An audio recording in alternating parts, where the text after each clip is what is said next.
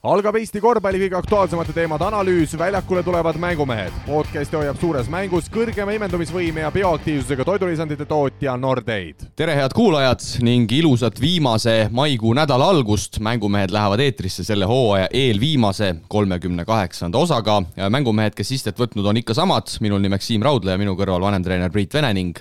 vabakutseline korvpallisõber Kristo Saage. tere, mehed! tervist, tervist! tervist! no kas on kurb meel ka veidi, et meil see matk siin esimesel hooajal hakkab läbi saama? no natuke on ikka kurb meel, sest et siis juba teine matk, mis kahe nädala jooksul läbi saab, et äh, esiliiga matk sai ka, nagu te aru saite, läbi, et äh,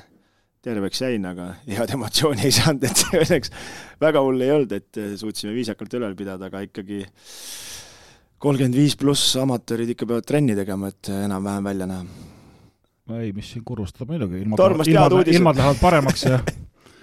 ja, ja otsustavad mängud ju ikkagi veel käivad, et väga palju on ju korvpalli vaadata ja kes on huviline, siis see, see, see saab elamuse küll ja ja ega ju siis äh, peale, peale jaanipäeva läheb ju kohe olümpia valik lahti ja nii et siin suvel tuleb, ma kuulsin, et siin eksperdid hakkavad suvel olümpiat ka kommenteerima, nii et lugesin, lugesin uudist. ma ei tea, kas ise teate, aga ma ei tea, Siim jälle tahab üllatada mingi jaanipäeval, ütleb, kuule, et juuli-august kinni, et äh, vaatame, teeme jälle mingeid asju. aga tegelikult äh, saadet ette valmistades siis äh, hakkas silma küll, et vaikselt hakkab selline hapukurk kätte jõudma, et et nagu öeldud sai, eelviimane osa meil on, ühe korra me tuleme veel, et, et paras aeg ilmselt on vähemalt korraks otsad kokku tõmmata. nojah, ega jäänud on veel ainult ju suuremad liigad ja, ja Euroliiga Final Four, et meie lähiregioon hakkab juba vaikselt või on alustanud puhkamist? nojah, et siin ütleme, kui vaadata meie nende saate ülesehi valdkonda, siis ongi ainult Euroliiga ju põhiliselt järgi jäänud ja eestlased välismaal, et äh, VTB ka? noh, VTB ka jah, aga see ju enam meid nii väga ei puuduta, et eks me ikka kajastame, aga nii, nii täpselt ju pulssi käel ei hoia, et äh, kuidas haara, haara, haaraallikaid seal sakutatakse ja nii edasi, aga eks seda rubriikides. Nonii, aga paneme siis äh, mängumeeste esimese hooaja eelviimase saate käima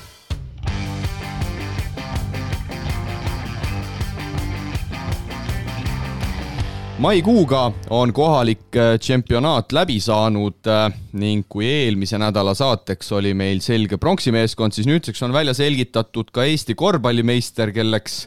ilma suurema üllatuseta sai Petse-Kalev Cramo. palju õnne kõigepealt võitjatele ning meil on hea meel tervitada telefoni teel meistrite võistkonna manageri Ramo Kaske, tere Ramo! tervitus, tervitus, aitäh, aitäh õnnesoovide eest! Ja ma alustan kohe ikkagi selle hooaja nii-öelda tagasivaatega, sina olid esimest aastat äh, nii-öelda pukis manager'ina. no korralikku pähkli said pureda, kui äh, selle koroonaga oli ilmselt äh, kõvasti tegemist, võib-olla alustuseks annagi oma kommentaar tänavusele hooajale, eelkõige selle asjaajamise poole pealt. Nojah, kui vaadata nüüd hooajale tagasi, siis hooaja alguses kindlasti ei, ei arvanud, et äh, septembrist hakkab samasugune möll pihta nende testimiste ja kõige sellega, et et kui arvestada, et meil oli kaks isolatsiooniperioodi, eh, lõppude lõpuks oli meil kümme inimest, kes läbi põdesid, siis sealt isolatsiooniperioodi järgselt mõned olid ka nagu raskemate sümptomitega. lisaks võtta veel vigastused, siis eh, kõik reisid, eh, kus oli vaja saata väga palju dokumente ja andmeid igale poole ette, sertifikaadid, kõik need möllud juurde, et see tegi asja tõsiselt keeruliseks, kui isegi on ju läbi käinud see, et me ühe korra sõitsime Narva ja siis poisid sõid pitsa ära, tulid tagasi. kuna oleks olnud risk, et jõuame Venemaale, peame seal testid andma ja nende reeglite järgi oleks pidanud see testi andma, andnud, positiivse andnud keegi jääma nagu karantiini Venemaale, et siis neid riske nagu ei saanud võtta. kõik need asjad kokku arvestada siin, siis, siis ütleme nii, et lõppude lõpuks kolm karikat võtta ja sihuke maasikas võit sees ka üle tuleb ikkagist öelda, et eh, hooaeg läks nagu väga hästi. et kui me alguses ütlesime välja, et eesmärk on kindlasti play-off'i jõuda VTB-s, siis, eh, siis me oleme ikkagist rahul ka üheksa võiduga, arvestades seda rasket nagu hooaega, et et need isolatsioonid ju pressisid meid äh, märtsikuus mängude mõttes selliselt, et meil oli põhimõtteliselt üle päeva mängud, et miks ka need hooaja lõpus need vigastused võib-olla tulid, et see koormus tuleb tõdeda, et läks võib-olla natukene liiga suureks, et natukene ise, ise saime vastu, vastu jalgu sellega, aga, aga kõik, lõpp hea, kõik hea, et eh, selles osas võib nagu rahule jääda no kui sa võib-olla veidi detailsemalt eh, võtaksid välja sellised raskeimad hetked ja eredaimad emotsioonid sellest hooajast, siis eh, mis sa sealt välja valiksid? ütleme nii, et raskemad hetked olid see, kui esimene see sõit oktoobris, kui ma sain teada, et Kurbasel oli positiivne, positiivne vastus Himki mängult tulles, siis täpselt ju ei teadnud, mis ja kuidas edasi hakkab saama, et oli väga palju suhtlemist Terviseametiga, et mis saab nüüd edasi ja kuidas see isolatsioonis olek toimib, et kas mehed tõesti peavadki nagu terve aja olema istuma kodus ja kükke ja kätekõverdusi tegema või on seal nagu variant ka teistmoodi natuke ennast vormis hoida, et et sealt edasi, sealt edasi lõi, lõi nagu natukene jalad alt ära, et, et mis saab edasi, et peamine see oli, et et null kakskümmend tuli, kuna seal oli see reegel, et nelikümmend kaheksa tundi enne pead teada andma, et sa ei saa osaleda, et siis, siis natukene juba see VTB play-off ja üldse VTB sõidud nagu läksid nagu küsimärgi alla. aga mida aega edasi, seda nagu, seda nagu selgemaks sai, et kuidas toimetada, mida teha täpsemalt. eredamad hetked arvatavasti olidki, kuna see hooaja algus oli raske olnud, siis kohe see karikavõit nagu natukene tõi emotsiooni jälle tagasi sisse meestel ka, et mingi karikas käes, okei okay,, isegi on võimalik, paneme siit edasi. ja ütleme nii, et kui tulid CSKA, see noh, okei okay,, Parma mängud, CSKA võit tuli ära, siis tulid Permi mängud otsa need olid siuksed, äh, läksid nagu mängu algused olid head, lõpud läksid ära, siis vaikselt juba hakkasid mõtlema vahepeal, et kuule, et siin on lootust tegelikult veel, et ka teistel tiimidel siin nõrgemad võitsid tugevamaid, tugevamaid andsid vahepeal järgi. ütleme nii, et need, need kõik Eesti-Läti näiteks turniir oli kindlasti kõige suurem maasikas, sest see oli kõigest esimene rahvusvaheline tiitel klubile. see on nagu kõva sõna ja ei saa ka nagu vähem väärtustada kaheteistkümnendat meistritiitlit, et eh, teada on ju, et vigastatute hulk oli meil päris suur ja et eks ta ikkagist raske oli. aga mehed võtsid kokku ja lõpuks tõid, tõid ikkagist karika koju ja et need kolm karikat, millest sa räägid, äh, mis tulid, et noh, need olid nagu ütleme nii, et äh, loogilised ja nagu olekski nagu pidanud olema, et õnneks tulid ka, aga aga kas ütleme siin äh, esimesel perioodil nende raskustes ja oli seal võistkonnas niisugust ärevust ka ja treeneritelt surumist sinu poole, et nüüd on vaja seda mängijat või seda mängijat või, või, või rahulikult usaldas Stelmachers oma süsteemi ja mehi ja et küll ta lõpus tuleb? Eks ta usaldas, eks me tegime paar vahetust ka seal, et meil käis ju eh, Brano Djukanovitš käis vahepeal läbi, kusjuures ka esimesel treeningul vist väänas hüppeliigest, ei saanud kohe korralikult nagu aru, et mis, mis meiega tegemist on. lõpuks, kui natuke mängima hakkas, siis eh, treener sai pildi ette, vaatas, see vist ikkagist ei mängi päris nii välja ja ikka see väike otsimine käis ka veel, aga samas põhituumik, kes äh, nagu tulemust pidid tegema, et äh, nende peale nagu sai loota, kuigi sealt, kui sealt vigastused sisse tulid, siis äh, treener pidi nagu ikkagi kõvasti, kõvasti mõtlema, et mis saab edasi, kuidas neid oma, kuidas oma plaane nagu ellu viia. et eks vahepeal ikka oli neid ärevaid hetki ka, et kui täpselt ei teadnud, kes, kuidas tuleb Covidist välja, mõnel läks seal kuu aega, mõnel oli kaks nädalat, näiteks Kiinil ei olnud ühtegi sümptomit tema ütles, et ma võin kohe platsile tulla, paneme edasi, lihtsalt see mängupraktika oli see, et sa ei tea, mis mees sul sealt kümne päeva järelt nagu tagasi platsile tuleb, et eks, eks see tegigi nagu asja keeruliseks, et sa kunagi ei tea, kuidas, kuidas keegi sealt sulle uuesti platsile tuleb, kui väiksed pausid sees on. et eh, Priidu nende sõnul oli nagu kolm hooaja ettevalmistust see aasta, et, eh, et kogu aeg alustasid nagu peaaegu nullist, et see tegigi seda treeneri mõttes ka kõike keerulisemaks no eks ta üks segane värk oli, aga ma küsiks sellise küsimuse, et äh, kui nüüd natuke vaataks sinu hinnangul nagu teie enda, enda valikutele välismängijate osas, et võib-olla sa riburada annad, annad mingid hinded, kas kas hea, halb või keskmine, ütleme, või suuremate lootustega või läks lati alt läbi, et, et käiks nagu need ka korra läbi, et üks nimi siin juba jooksis, kes, kelle mm, -hmm. kelle retk jäi lühikeseks, et, et noh, lihtsalt nagu äh, tuleviku mõttes ka mõtled, vaata sul endal ka mingid ideed ja mõtted juba peas üks ju käivad, et, et keda nagu vaadata ja ja kui vaataks nüüd kõigepealt nagu tagasi, et mis nagu oli siis? no hakkame algusest tulema. alguses esimene välis, välissõit VTV-s oli Peterburis ja ei teadnud üldse täpselt treeneritki, et kuidas nüüd see tiim, kes on kokku saanud, noh, nagunii on alguses hooajalgus kõik rabe ja et eh, Devini osas ka ju täpselt tegelikult ei teadnud, et äh, oli teada, et mis mängumeest oli olnud, aga ta polnud mingi, mingi pikema perioodi olnud nagu sellisel tasemel mänginud vahepeal, et äh, treener nagu nägi esimesel seniidi mängul ära, et mis sellest hooajast üldse tulla võib, et äh, sai selle nagu pildi ette ja see oli nagu üllatavalt hea äh,. ütleme nii, et seal Kiin äh, kohe lammutas esimesel mängul korralikult. näha oli, et sellest, selles mehes on sisu Devini poolelt nagu sai usaldada sai hästi ära kasutada, Piiler oli niisugune hooaja esimesel poolel esimestes mängudes nagu andis seda, mida treener ootas, aga mingi hetk, mingi hetk ta natukene nagu hakkas ära vajuma, et täpselt neid põhjuseid lõpuks ei saanudki teada, et, et seal olid ka vist kodused mingid probleemid tulid sisse ja midagi sellist. Äh, kes meil veel, no see, need olid peamised, peamised vennad, sest et Kemp ju liitus alles äh, detsembri keskpaigas ja seda sisu meil oli nagu enam-vähem teada, et mis mehega tegemist on. küsin kiirelt vahele, et kas Kemp kõvasti üllatas ka nagu, ta tegelikult tegi väga kõva hooaja, et kas nii, nii head nagu lootsite, mis ta, mis sealt nagu lõpuks välja tuli või? kusjuures ikkagist oli üle ootuste hästi jah, et ei teadnud, et nii musta, musta tööd tegija ta nagu ka oleks, et ta ise küll vahepeal andis märku, et ta tahaks natukene, et teda võiks teistmoodi kasutada treeneritele aga, aga meie nagu nägime teda ikkagist, et äh, lauas ja kõva läbimine ja et, et see oli nagu tema leid, mis, mis meile nagu just tiimina toimis, et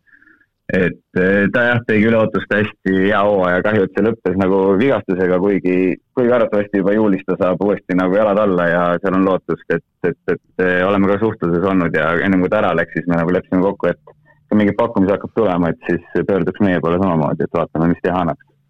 ta nagu jäi väga rahule meiega siin. no kui Priit juba nende nii-öelda välismängijate juurde tuli, siis äh, klubi president Toomas Linamäe mainis ühes intervjuus, et, et ei ole pigem huvi jätkata lätlase Janis Kaufmannise ja ameeriklase Shavon Lewisega, et kas, kas need probleemid on, on pigem nendest sagedastest vigastustest tingitud või, või on seal veel ka mingid muud põhjused äh, taga? ei no eks ta pigem jääb sinna vigastuste taha, et äh, üks mäng sul on olemas, siis peale mängu mängija ütleb, et kurat, mul ikkagist annab see tagasi, et võiks nüüd tunda jälle, et ma jätan nüüd jälle üks-kaks mängu vahele, et treeneril ole keeruline niimoodi arvestada, et keda ma nüüd lõpuks siia mängu saan panna, et kui mul number kaks positsioonil kaks venda korraga naudis, et siis äh, läheb nagu keerulisemaks, kui sa oled arvestanud äh, play'des seda nagu sisse, et äh, pigem, pigem oli see vigastuste mure ja võib-olla mingi üksikud väiksed asjad siia juurde, aga see, see nagu ei puudutanud seda mängu poolt, et pigem, pigem need vigastused ikka, jah oskad sa, Ramo, tänasel päeval öelda, milliste seniste välismängijatega te olete valmis jätkama, kellega te asut-, alustate läbirääkimise ja, ja oskad sa ka öelda, noh, ma usun, et Kiin on üks mees, kelle palganumber käib ilmselt selgelt üle jõu? jah, sellel, selles me oleme ise ka lõpuks nagu selgusele jõudnud, et Kiini, Kiinile me arvatavasti nagu niisugust rahapatakat nagu vastu pead ei suuda lüüa, et ma arvan, temale tulevad päris korralikud pakkumised siit juba hooaja keskelt tegelikult sooviti teda päris korraliku summa eest välja osta, aga me seda nagu riski ei saanud võtta. Õnneks me ei võtnud ka, sest et kuna meil endal see Lazaret sinna nagu tekkis, vigastused tulid sisse, et hea, et me teda nagu ära ei andnud, et me ei tea, mis lõpuks oleks isegi nende Eesti, Läti ja Eesti meistrivõistlustiitlitega siis saanud. aga arvestades Devini, Devinit, tema agendi ja temaga me oleme suhelnud, talle väga siin Eestis meeldib, ta on väga tänulik, et me sellist teda enda nagu hõlma alla võtsime ja ta nagu tunneb ennast siin kodus, et eh, talle isegi väga meeldiks siia tulla, kuigi ta tegi hea, hea hooaja, arvatavasti jäi silma WTB-s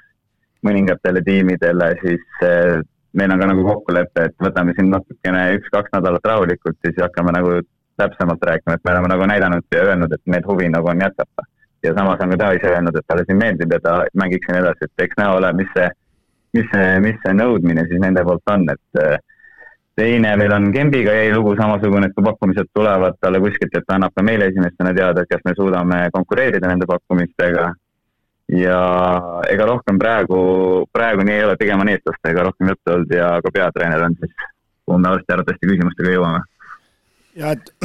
ega ma ei tahagi teada nüüd äh, lepingu sisusi ja asju, aga, aga kas, kui nüüd Kalev Cramo on WTB-s nagu teinud nii häid hooaegasid, et on nagu lihtsam saada neid mängijaid, esiteks noh, tõenäoliselt on, on ju, aga teine ja. asi, et kui sa võtad hooaja keskel mängija, kas nad tahavad garanteeritud lepingut või saab ikka veel try-out'ile võtta, noh, ma pean silmas näiteks Downsi, kes tuli jutu järgi suurte lootustega, aga tegelikult seda rolli nagu minu arust, arvates välja ei mänginud jaa, meil on, Tammast oli küll täitsa viimasel hetkel, et eh, meil oli vist viimane nädal või viimased kolm päeva jäänud üldse kas kedagi üles regada, et siis seal nagu ei olnud varianti teda lihtsalt nagu ära ka lasta, et, et nagu oli vaja treeningkehas ja mängijaid ka. Eh, üldiselt, üldiselt muidu, kui meil käis hooaja keskel veel paar tükki läbi, siis me oleme suutnud ikkagist eh, niimoodi, et kas või kaks nädalat või midagi sellist on nagu väike try-out ka üks mängija vist oli nii, et, et nalja teete, et ma tulen hooaja keskelt siit ja ma tahan nagu mänguminuteid saada, et, et peab olema peab olema täisleping, aga mingil määral me suutsime, kuna Covid oli sees, siis Covidi, Covidit ära kasutades me saime öelda, et meil ikkagist nädal aega peab olema, sest et kui teed medical'id, siis, siis seal võivad arsti juurde saamise ajad olla ja piltide tegemist ajad üle nädala ja nii edasi, et siis tänu sellele me saime siin, saime siia väikseid perioode sisse, et, et, et vaadata üle ikkagist, mis meest tegemist on, mis mehega on aga, aga vaata tihtipeale Kalev Cramos, ütleme siin viimastel aastatel äh, on nagu mehed teinud niisugust lendu, et tahetakse hooaja keskel ära, ära võtta, et äh, siis ikkagi need, need asjad olete ka nagu hästi läbi mõelnud ja need summad ikkagi teie jaoks piisavad, et, et noh, ütleme Kiinus ja Leona Koorasse äh, siin oli, oli, oli võimalus minna, noh, numbritest me ei räägi, aga see oli päris korralik number ikkagi võrreldes ütleme teiste klubidega, et et kellele eelarved on seal selle, sellega võrreldes ikkagi päris äh,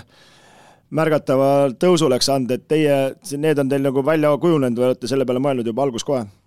Meil on alguses kohe, on äh, summad on kirjas. Äh, seal oli lihtsalt see, et Kiini pakkumine tuli peale seda, kui tema see buy-out'i klausel oli läbi juba saanud. et siis meil oli ka õigus panna sinna natukene, mitte natuke, vaid päris palju suurem summa, et, et kui keegi tahaks seda ära osta väljaspool seda klaus-, klausli aega, et meil oli vist esimene veebruar oli viimane kuupäev, kui keegi saaks seda välja osta ja see pakkumine vist tuli seal kaks nädalat või kümme päeva peale seda klauslit, et aga lihtsalt eh, me kaalusime tegelikult päris pikalt seda isegi, sest see summa oli päris okei okay., mitte okei okay,, vaid päris hea, aga lihtsalt me ei saanud seda riski võtta ja oleme õnnelikud, et me seda riski ei võtnud. ja ta ise tegelikult andis ka märku, et ta tahaks selle hooaja ikkagist meiega lõpuni teha, et eh, talle väga, väga hästi sümpatiseeris treeneri treeneri õpetused ja kõik asjad sobisid talle nii hästi, et ta kasvas ka ikkagist, eh, ta kasvas päris palju siin meiega, et eh, natukene sai kaitsemängu juurde ja, ja natukene vaimselt oma seda tulisust eh, tõmbas maha, et, et, et, et, et ütleme nii, et talle, ta sai siit päris head õppetunnid kaasa endale.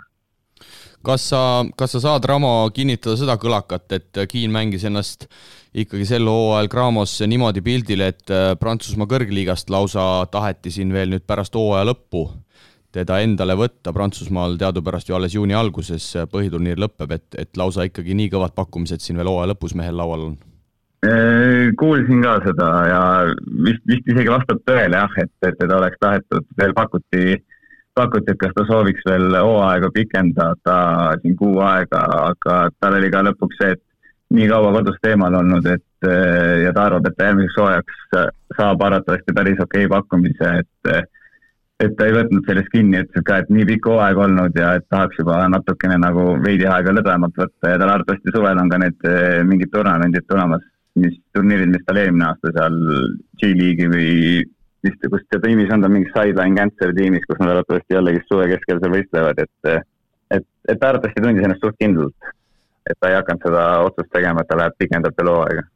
ja nüüd lähme kõige suurema mure juurde, et oleme siin välismaalastest kõvasti-kõvasti rääkinud, et äh, aga noh, see on, neid, neid saab võtta, neid saab äh, raha eest osta, aga suurem mure, et äh, eestlastega, kuidas nendega lood on, millised väljavaated, milliseid uusi mehi, kui tohib avada, olete mõelnud endale võtta, sest ikkagi kuus korralikku mängumeest teil on vaja saada?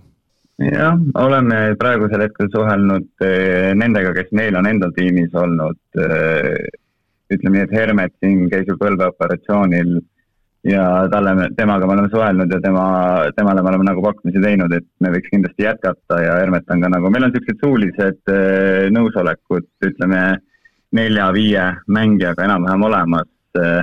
eks see oleneb natuke treeneritest, et eh, me nagu ei rutta ka, et kui saaks treenerid tegelikult kõigepealt paika, siis treenerid ütlevad, ütlevad peamiselt, keda nad on nagu sellel aastal näinud, kes meie vastu mänginud on, et Eestist, keda võiks veel näiteks Kalevisse proovida saada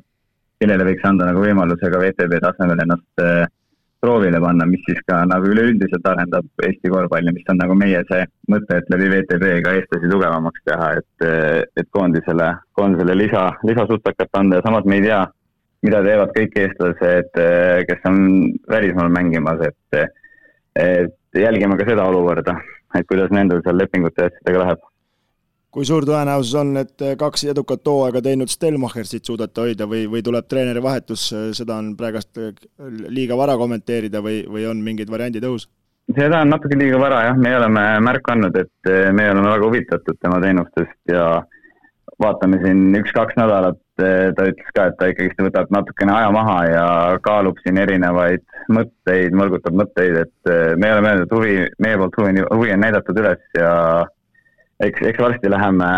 natukene konkreetsemaks ka pakkumistega kui lubad, Ramo, siis Looda. me anname sulle, me anname sulle siit ühe tööülesande ka, et järgmisel sügisel on, on EM-finaalturniir toimumas Itaalias ja, ja ehk sa mm. võtad südameasjaks, et Sten Sokk ikkagi selle hooaja Graamos ära mängiks, sest et äh, vaadates tagasi sellele Permi mullile, siis siis mulle tundub, et see on üks, äh, üks olulisemaid asju Eesti, Eesti korvpalli jaoks või mis sa üldse Soku jätkamise osas äh, Graamos öelda oskad? Me oleme põgusalt siin viimastel, viimastel mängudel, kus ta meil on kaasas käinud, pingi peal aidanud meest, meestel tuhhi üleval hoida. põgusalt oleme suhelnud, oleme uurinud, kuidas tal jalaga on ja nii edasi, et et ei ole ka kiirustanud sellega, et pigem, pigem oleme pigem pidevas suhtluses ja vaatame, vaatame seda siin, ma arvan, kuskil kuu aja pärast, et ei taha ennem nagu niisuguseid rutakaid otsuseid teha, kui sooviks ikkagi, et treener oleks paigas, kes lõplikult vaatab selle eestlaste poole üle ja siis saame vaikselt ka välismaalaste edasi, edasi minna. aga eks me, eks me arvestame muidugi Timmut samamoodi enda, enda punti, et, et, et, et eks, eks seda näha ole siis varsti no kindlasti üks mees, keda on äh, keeruline enda ridades säilitada, on Janar Jõesaar, kes poole hooaja pealt tuli, nagu siin kuluaarides linnud on, on sahistanud, siis on saanud nii mõnegi päris ahvatleva pakkumise juba siin enne, enne hooaja lõppu, et kui reaalseks sa pead seda, et Janari alustab hooaega Graamos? Äh, meie oleme omalt poolt huvi jällegist üles näidanud, eks see jääb lõplikult siis Janari teha, mis pakkumisega ta edasi läheb, et et samuti siin ei ole praegu isegi ei saa midagi kinnitada ega ümber lükata natukene liiga vara, et äh, alles selle nädala alguses äh, põhimõtteliselt hooaeg lõppes ja Art Kutid võttis ikka natukene aja maha, kes siin puhkab, kes siin hakkab vaikselt ennast liigutama alles järgmisest nädalast. et äh, oleme suhelnud sel teemal, teame, et sealt juba on midagi, samamoodi linnud on siristanud, et mingeid pakkumisi tal on juba. et ja me oleme omalt poolt öelnud, et me oleme ka valmis ja sooviksime teda enda tiimis näha, et, et eks siis, kui läheb konkreetsemaks, siis saame,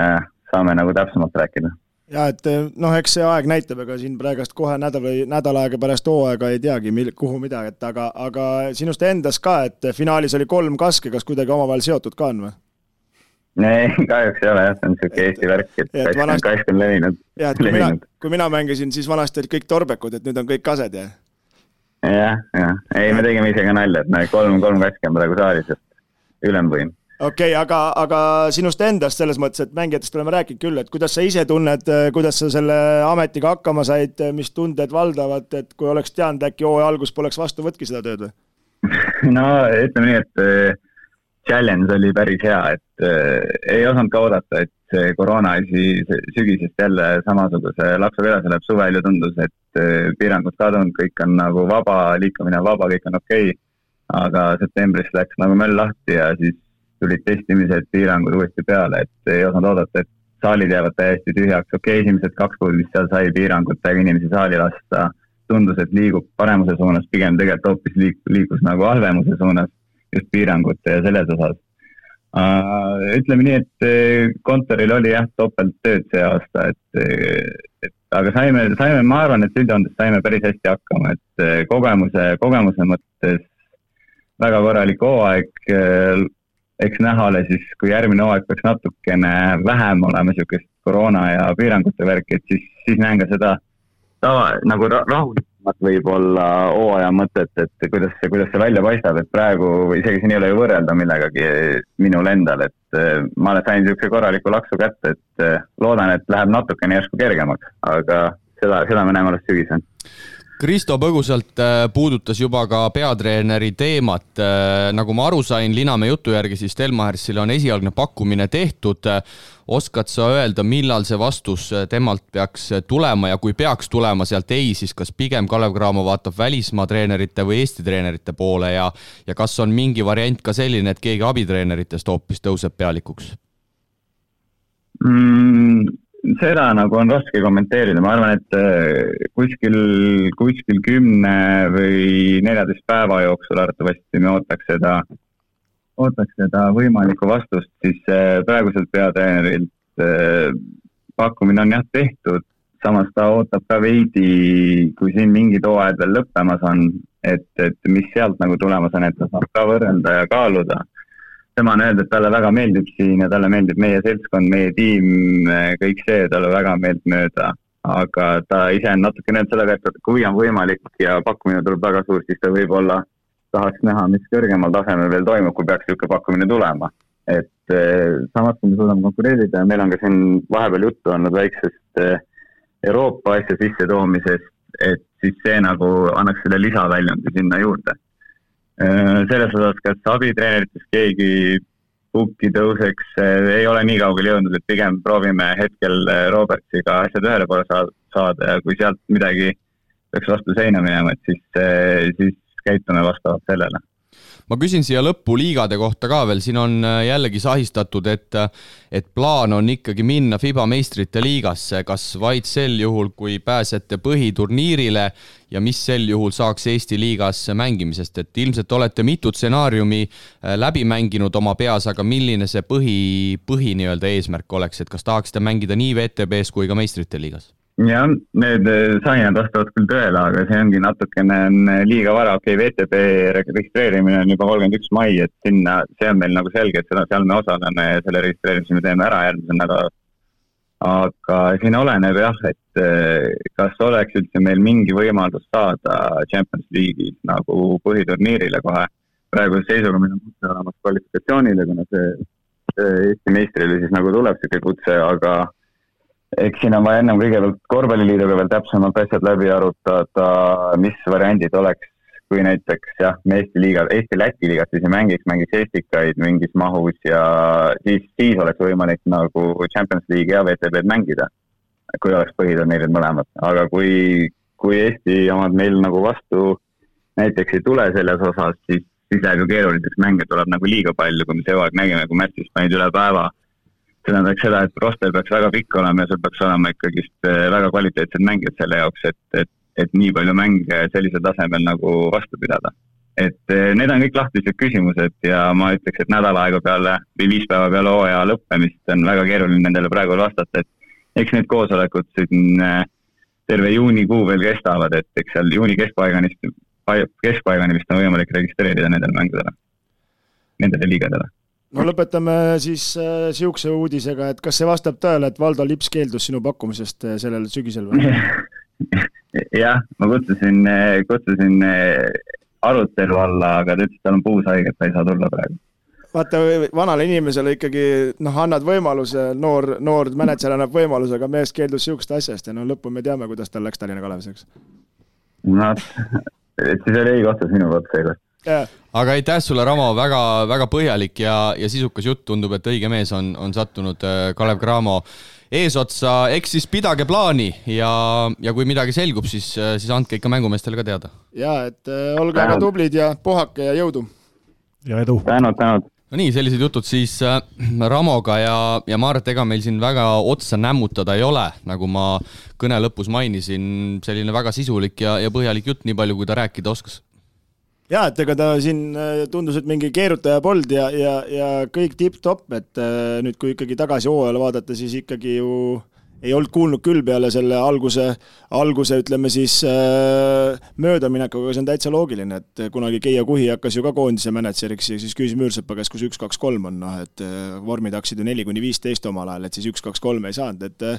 et iga, iga mees läheb uue ameti peale ja, ja kui ei ole nii kursis, siis õpitakse, aga tundub, et õppimine on väga, väga hästi välja tulnud. kuidas sulle, Priit Cramo, plaanid äh, tunduvad selle jutu taustal?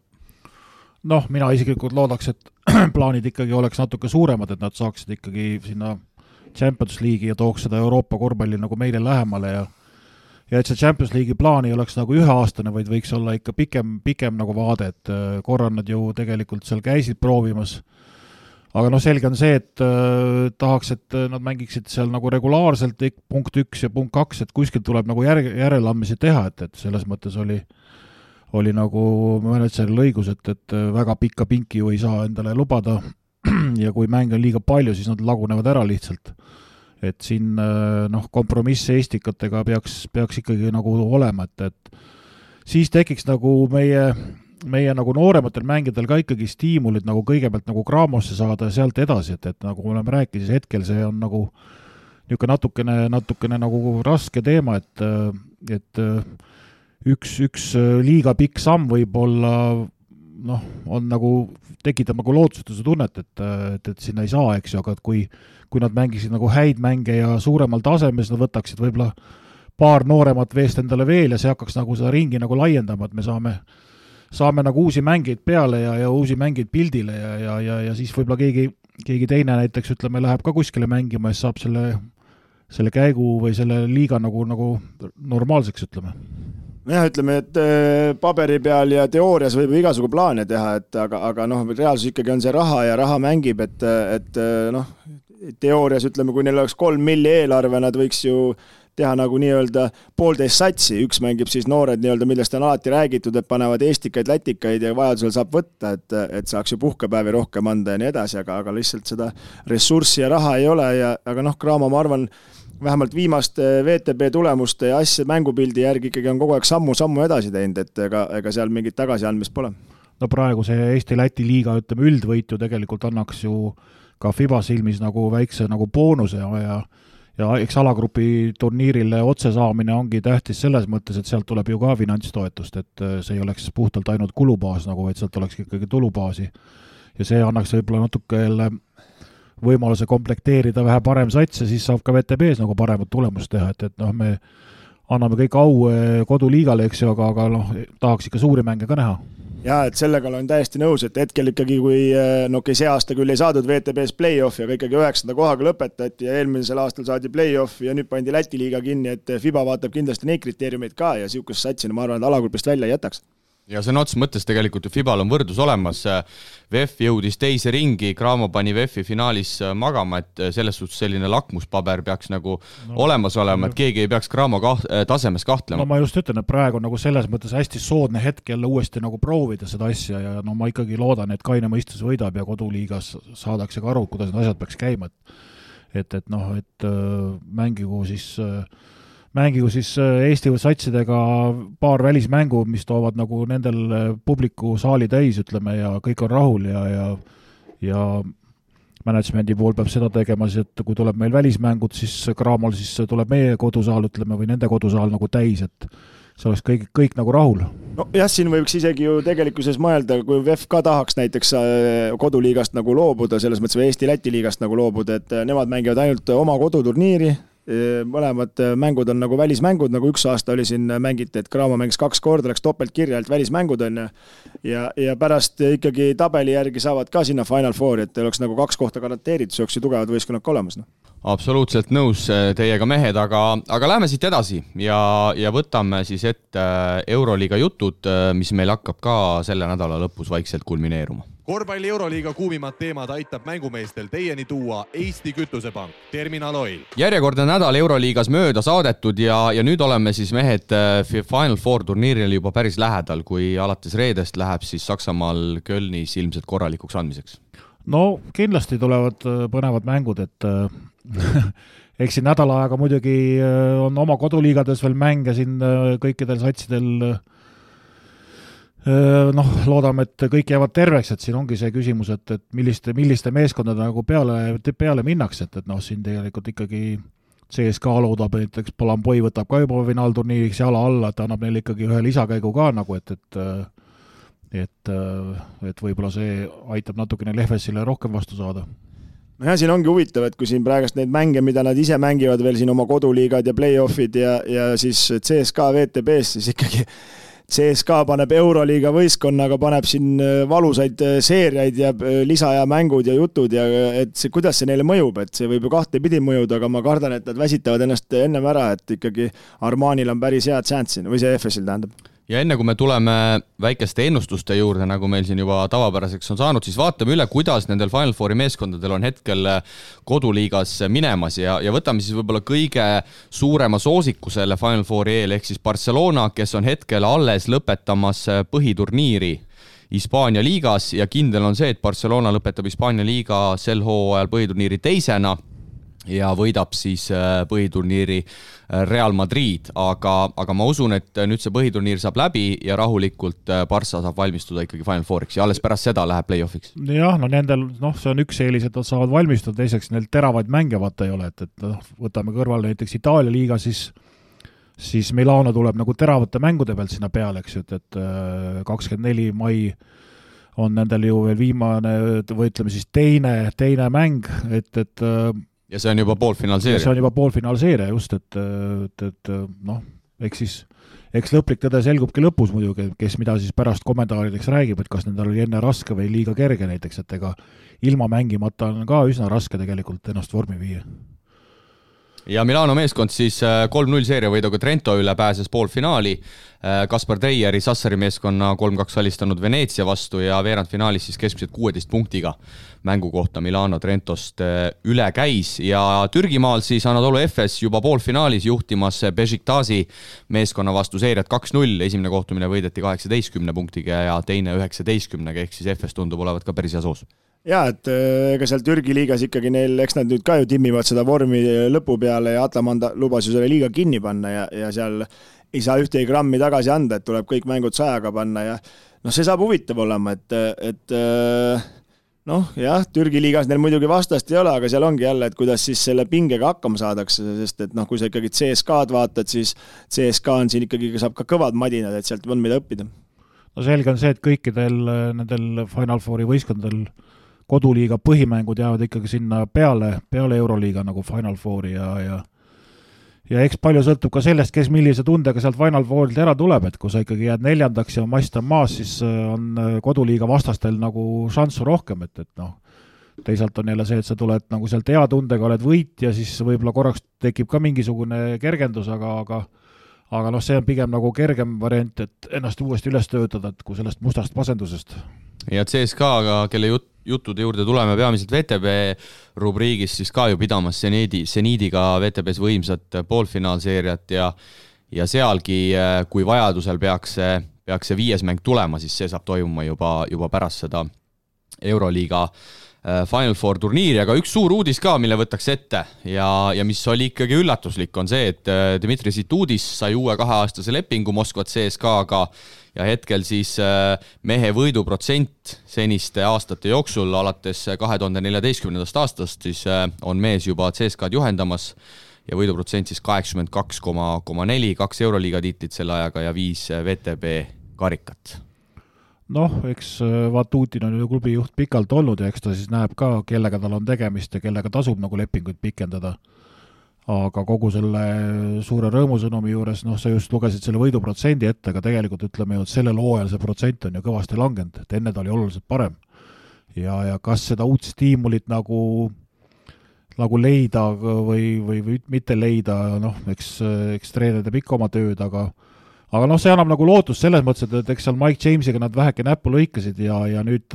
ma loodan, et või arvan, et järgmiseks hooajaks näiteks nad teevad oluliselt parema äh, parema kodutöö ja, ja ja vast Milutino võtab ikka ka veel jalad alla ja, ja kui, kui neile seal nagu põhijõud jäävad, eks seal mõnest mängijast kindlasti vabanetakse, aga järelikult see nägemus on juba nagu pikemalt ikkagi paigas ja, ja teatakse, et kellega seda siis nagu teha ja, ja ja, ja noh, suured klubid nagu niimoodi tegelikult toimetavadki, et ega põhimõtteliselt sa, kui hakkad nüüd suvel asju ajama või asju aetakse nagunii kogu aasta, aga et ütleme, et sa tegelikult ei vaata mitte ainult järgmist hooaega, vaid vaatad juba ka ülejärgmist hooaega nojah, siin mulle tundub isiklikult, et Vatutin nagu läks niisuguse kindla peale, et kui sa võtad uue mehe ja see nõuab uusi mehi, hakkad jälle, jälle seda süsteemi nagu ümber nagu mängima, et noh, olles ausad, et need vigastused ja asjad, mis sel aastal siin on CSKA-d kummitanud, et siis ikkagi nuppe on ka nagu Ituudisel natukene vähem olnud, et ja nüüd see Jamesi saaga ja, ja noh, uuel aastal ma olen ilmselt suhteliselt kindel, et siin ikkagi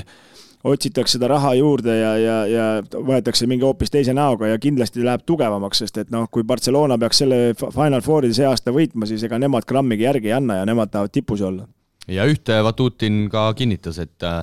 et Mike, Mike James kindlasti CSKA-sse tagasi ei tule, et need kaks meest, James ja Ituudis siis ikkagi ühte, ühte saali enam ära ei mahu no jaa, aga siin on ka suur küsimus selles, et mis sellest Mike Jamesist edasi saab, et kui, kui ta NBA-sse ei saa, siis äh, tal on ju leping all, see duublisse, CSKA duublisse. see tähendab mingisugust äh, kulutust, mille arvelt sa ei saa nagu uusi mehi võtta, no siis see on puhas nagu lisakulu, ütleme, noh, nende lootus on praegu see, et, et et Mike James sinna NBA-sse ikkagi saab, siis nad saavad vähe leebemalt, leebemalt nagu karistada. ma arvan, et see on kuskil Moskva baaris juba ammu selgeks tehtud selle Brooklyni omanikuga, et Mike James sinna saab ja jääb ja las ta siis töllerdab seal, et, et kuidagi on need asjad, ma arvan, paika pandud noh, kui sa nii, kui sa nii ütled. Äh, tähtede viisikud ka toodi välja põhiturniirist ja, ja küsin siis teie arvamust ka, kas äh, läks õigesti. esimene viisik siis Kevin Pangos, Vassiljev Mitšits, Vladimir Lussitš, Nikola Mirotitš ja Edi Tavares. No kui võtame ainult põhiturniiri, siis tegelikult ikkagi kõik olid oma satside vedajad, et pole siin nagu selles mõttes midagi, midagi nagu ette heita ja, ja no mis selle asja juures võib-olla meie saate edasises foonis on nagu see, et ühtegi ameeriklast ei ole ju tegelikult äh, esimeses viisikus, et see näitab nagu ka liiga, liiga omapärast taset, nagu ütleme. jah, siia vahemärkusena siis Pangos Kanada, Missits, äh, Lussits Serbia, Mirotits Hispaania ja Tavares Cape Verde, aga peaks vist olema Hispaania pass ka Tavaresel. jah, et täitsa loogiline valik, et äh, kui sa loed selle teise viisiku ka ette, siis äh, ma muidugi ei tea, kes seal on, aga, aga... äh,. okei okay,, kui sa juba nii palusid, Shane Larkin, Nando De Colo, Shavon Shields, äh, sinu mees Will Clyburn ja Brandon Davis, kas, kas võiks keegi kuskil koha ära vahetada omavahel? no see ongi täpselt niisugune, ütleme, korralik sats, mille võiks näiteks kokku panna ja saab ideaalselt mängida, noh, et võib-olla seal De Colo ja, ja Mitsits ja siia-sinna, et noh, või Lutsits, Decolo, et eh, noh, aga see on niisugune maitse küsimus ja, ja ikkagi eks seal mingite indeksite ja asja võiduprotsentide järgi pandi ja ju siis need olid paremad kogu, stabiilsed kogu hooaja. jah, ja me peame arvestama, et see on põhiturniiri järgi, ehk siis äh, ehk siis play-off'i ei arvestatud ja, ja teine viisik siis Larkin äh, USA, Decolo Prantsusmaa, Shields Taani, Clyburn USA ja Brandon Davis peaks olema vist nii Uganda kui Ameerika pass Davisel olemas. et aga jah, ei noh, tõesti, ega, ega eks see ole ka raske valik, aga, aga samas jällegi täpselt need mehed, kes nagu oma võistkondasid on ikkagi ka vedanud ja ja noh, mis siin domineerima jääb, on muidugi see, et FSi tagapaar, eks, esimene viisik, teine viisik, et, et see on ju tegelikult päris valus märk, ütleme, et, et no üks mees, ma korra sind segan, kes minu hinnangul oleks võinud ka olla tugev kandidaat, selline võib-olla alahinnatud mängija, Corey Higins. nojah, aga vaata, selliste, sellistesse viisikutesse, siis on olemas nagu mingid kaitseviisikud ja kuuendate meeste viisikud ja, ja mida nagu siin nagu nagu ei ole nagu välja toodud, ütleme, et kuskil seal ta kindlasti leiaks oma koha, et, et siia pannakse niisugused ikkagi, kes nagu säravad, ütleme nii. kes no, nagu jah, rohkem nagu silma paistavad. kui mina oleks valiku teinud, ma oleks Higinsit eelistanud igal juhul Decolole. jaa, aga sa ei saa teha, sa ei saa teha seda. me ei ole nii kõva eksperdid. Decolo on pandud sinna number ühe koha peale mängujuhiks, eks ju, et, et ähm, ei ole Larkin ikkagi, Decolo on kahe peale pandud. üks-kaks, nad, nad jagavad seal nagu selles Kombot. mõttes nagu hästi ära jah, et, et, et ei ole, ei ole nagu ei ole nagu, ei hakka üksteist nagu segama, et, et, siia, sellesse liini nagu nüüd kedagi juurde pookida on ka nagu üsna raske. ma võin küll nüüd siin mööda panna kõvasti, aga paned ilmselt, jah? jah, aga, aga ma pakun, et selle esimese viisiku mehed peale Tavares ju tegid terve hooaja kaasa ilma vigastusteta et äh, Tavares võib-olla midagi oli väljas seal, noh, Brandon Davis ka vist mingil no, hetkel Tavares oli väljas tegelikult play-off'is. jah, et noh, need on ikkagi need mehed, kes panid põhimõtteliselt kõik põhiturniirid ära, no see Larkin, see ju käis nii, nagu ise tahtis, otsis aga vormi ja viis minutit, et siis on nagu ebaloogiline ka, et seda panete nagu põhisse näiteks, on ju. Decol oli ka ju siin vigastusega väljas, et selles mõttes need vennad ikkagi tassisid äh, hooaja ja nagu terve hooaja ja ei olnud vigastustega väljas. eks see on hea maitse asi ja, ja siin võiks Äh, vaidlema jäädagi, aga, aga lähme siis asja juurde selles osas, et reedel alustatakse poolfinaalidega Saksamaal Kölnis, kõigepealt kell seitse peaks meie aja järel, järgi tulema väljakule Moskva CSKA ja Anatolu Efes ja ma paluks teilt äh, nii võitjat kui äh, mis jääb siis vahe noh, eks ta niisugune tänamatu töö ole ja kas me seda ennustama just peame, aga peame ikka, peame mina, ikka, ära ole. kui me siit nagu läbi arutame, siis no kõik lihtsalt, märgid tegelikult lihtsalt pauguta ikkagi..., ma ei ole kunagi pihta saanud, pane midagi ei no eks me panime ju siin ka ju Ra-, Ra-, Rakverele kolm-null, aga millegipärast Rapla võitis hoopis kolm-kaks, et, et, et noh päris... see ei ole meie süü, nagu sa ütlesid? no ei, see ei ole meie süü jah, seal olid omad hoopis teised käinud. aga pakume, pakume, endal ka huvitavam jälgida veidi. no kui me võtame ikkagi nagu selle hooaja loogika põhjal, noh siis on ikkagi favoriit ju tegelikult on saate aega veel või? noh, miks ei ole, kus ta ikka jääb, et, et siis on favoriit EFS, aga kui võtame ajalooliselt, siis on CSKA, nii et üsna raske niisugune kompromiss, aga aga noh, jõudu praegu on ikkagi EFS-il rohkem ja, ja see eelmise aasta nagu hea mäng on neil nagu tagasi tulnud ja, ja ma arvan, et nad sõidavad päris korralikult üle, et niisugune kümme pluss no ütle täpne, kümme või? no paneme neliteist. neliteist, FS neliteist läks Priit.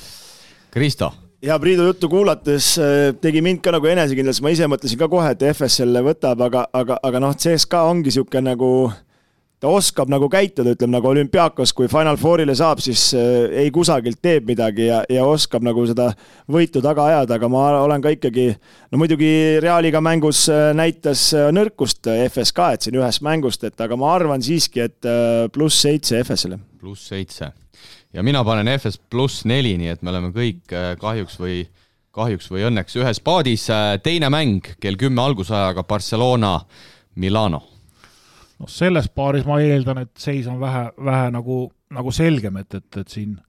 siin Barcelona peaks ikkagi selle võidu ära võtma ja kui kui nad oma mängu jooksma saavad, siis ja kaitse pidama, siis noh, niisugune pluss kaksteist. jah, see see ongi täpselt nii, et nagu seniidiga arvasime, et seal on asjad selged. lihtsalt sellepärast, et see mänguseis ei lähe nagu suureks, et, et ja, kui ja, nad võidaksid sada kaheksakümmend, ei oleks üldse küsimust, et kahekümnega no võita. tõenäoliselt see on niisugune seitsekümmend kuus, kuuskümmend neli. umbes niisugune seis ma oleks ka pakkunud. jah, et, et, et, et jah, et siin noh, täpselt nagu ütleme, Partsa on kindlasti favoriit ja sa ütlesid siis kaksteist ja, ja sest no ma arvan, et teises mängus seis on, läheb kõvasti suuremaks. Armani, Armani, no ma panen üheksa, see on niisugune mõnus number, üheksa üheksa. Ja mina arvan, et äh, et teine poolfinaal tuleb samuti väga tihe ja Barcelona võidab selle viie punktiga no üldiselt vaata ajaloost ei tea, et, et keegi oleks kellelegi mingeid ilgeid pakke pannud seal Final Fouris, et need asjad ikkagi tõmmatakse nii lukku ja seal meisterlikkust tuleb ja no Partsa on ju ikkagi suhteliselt äh, kõva lukkupanija, et äh, Priidu kasuks räägib see, et kui Armani on seal kolm minutit enne lõppu seitsmega maas, kukuvad vigu tegema, noh et siis vabaviskeprotsent on hea neil ja, ja nii edasi, aga aga no vaatame, vot niisugune süvaanalüüs tuli praegust. jaa, aga võtame siit kohe edasi, kuna me olime kõik äh, ühel meelel, siis pronksi mäng meie hinnangul hinnangul Moskvat CSKA ja, ja Milano ja siin võtame ainult võitja? no mina panen panused selles paaris CSKA peale, sellepärast et Ituudisel on nagu kõvasti tõestada ja ja, ja, ja, ja nad lähevad nagu ikkagi täiega peale, et, et kui nad on mõnel aastal seal nagu ära vajunud peale seda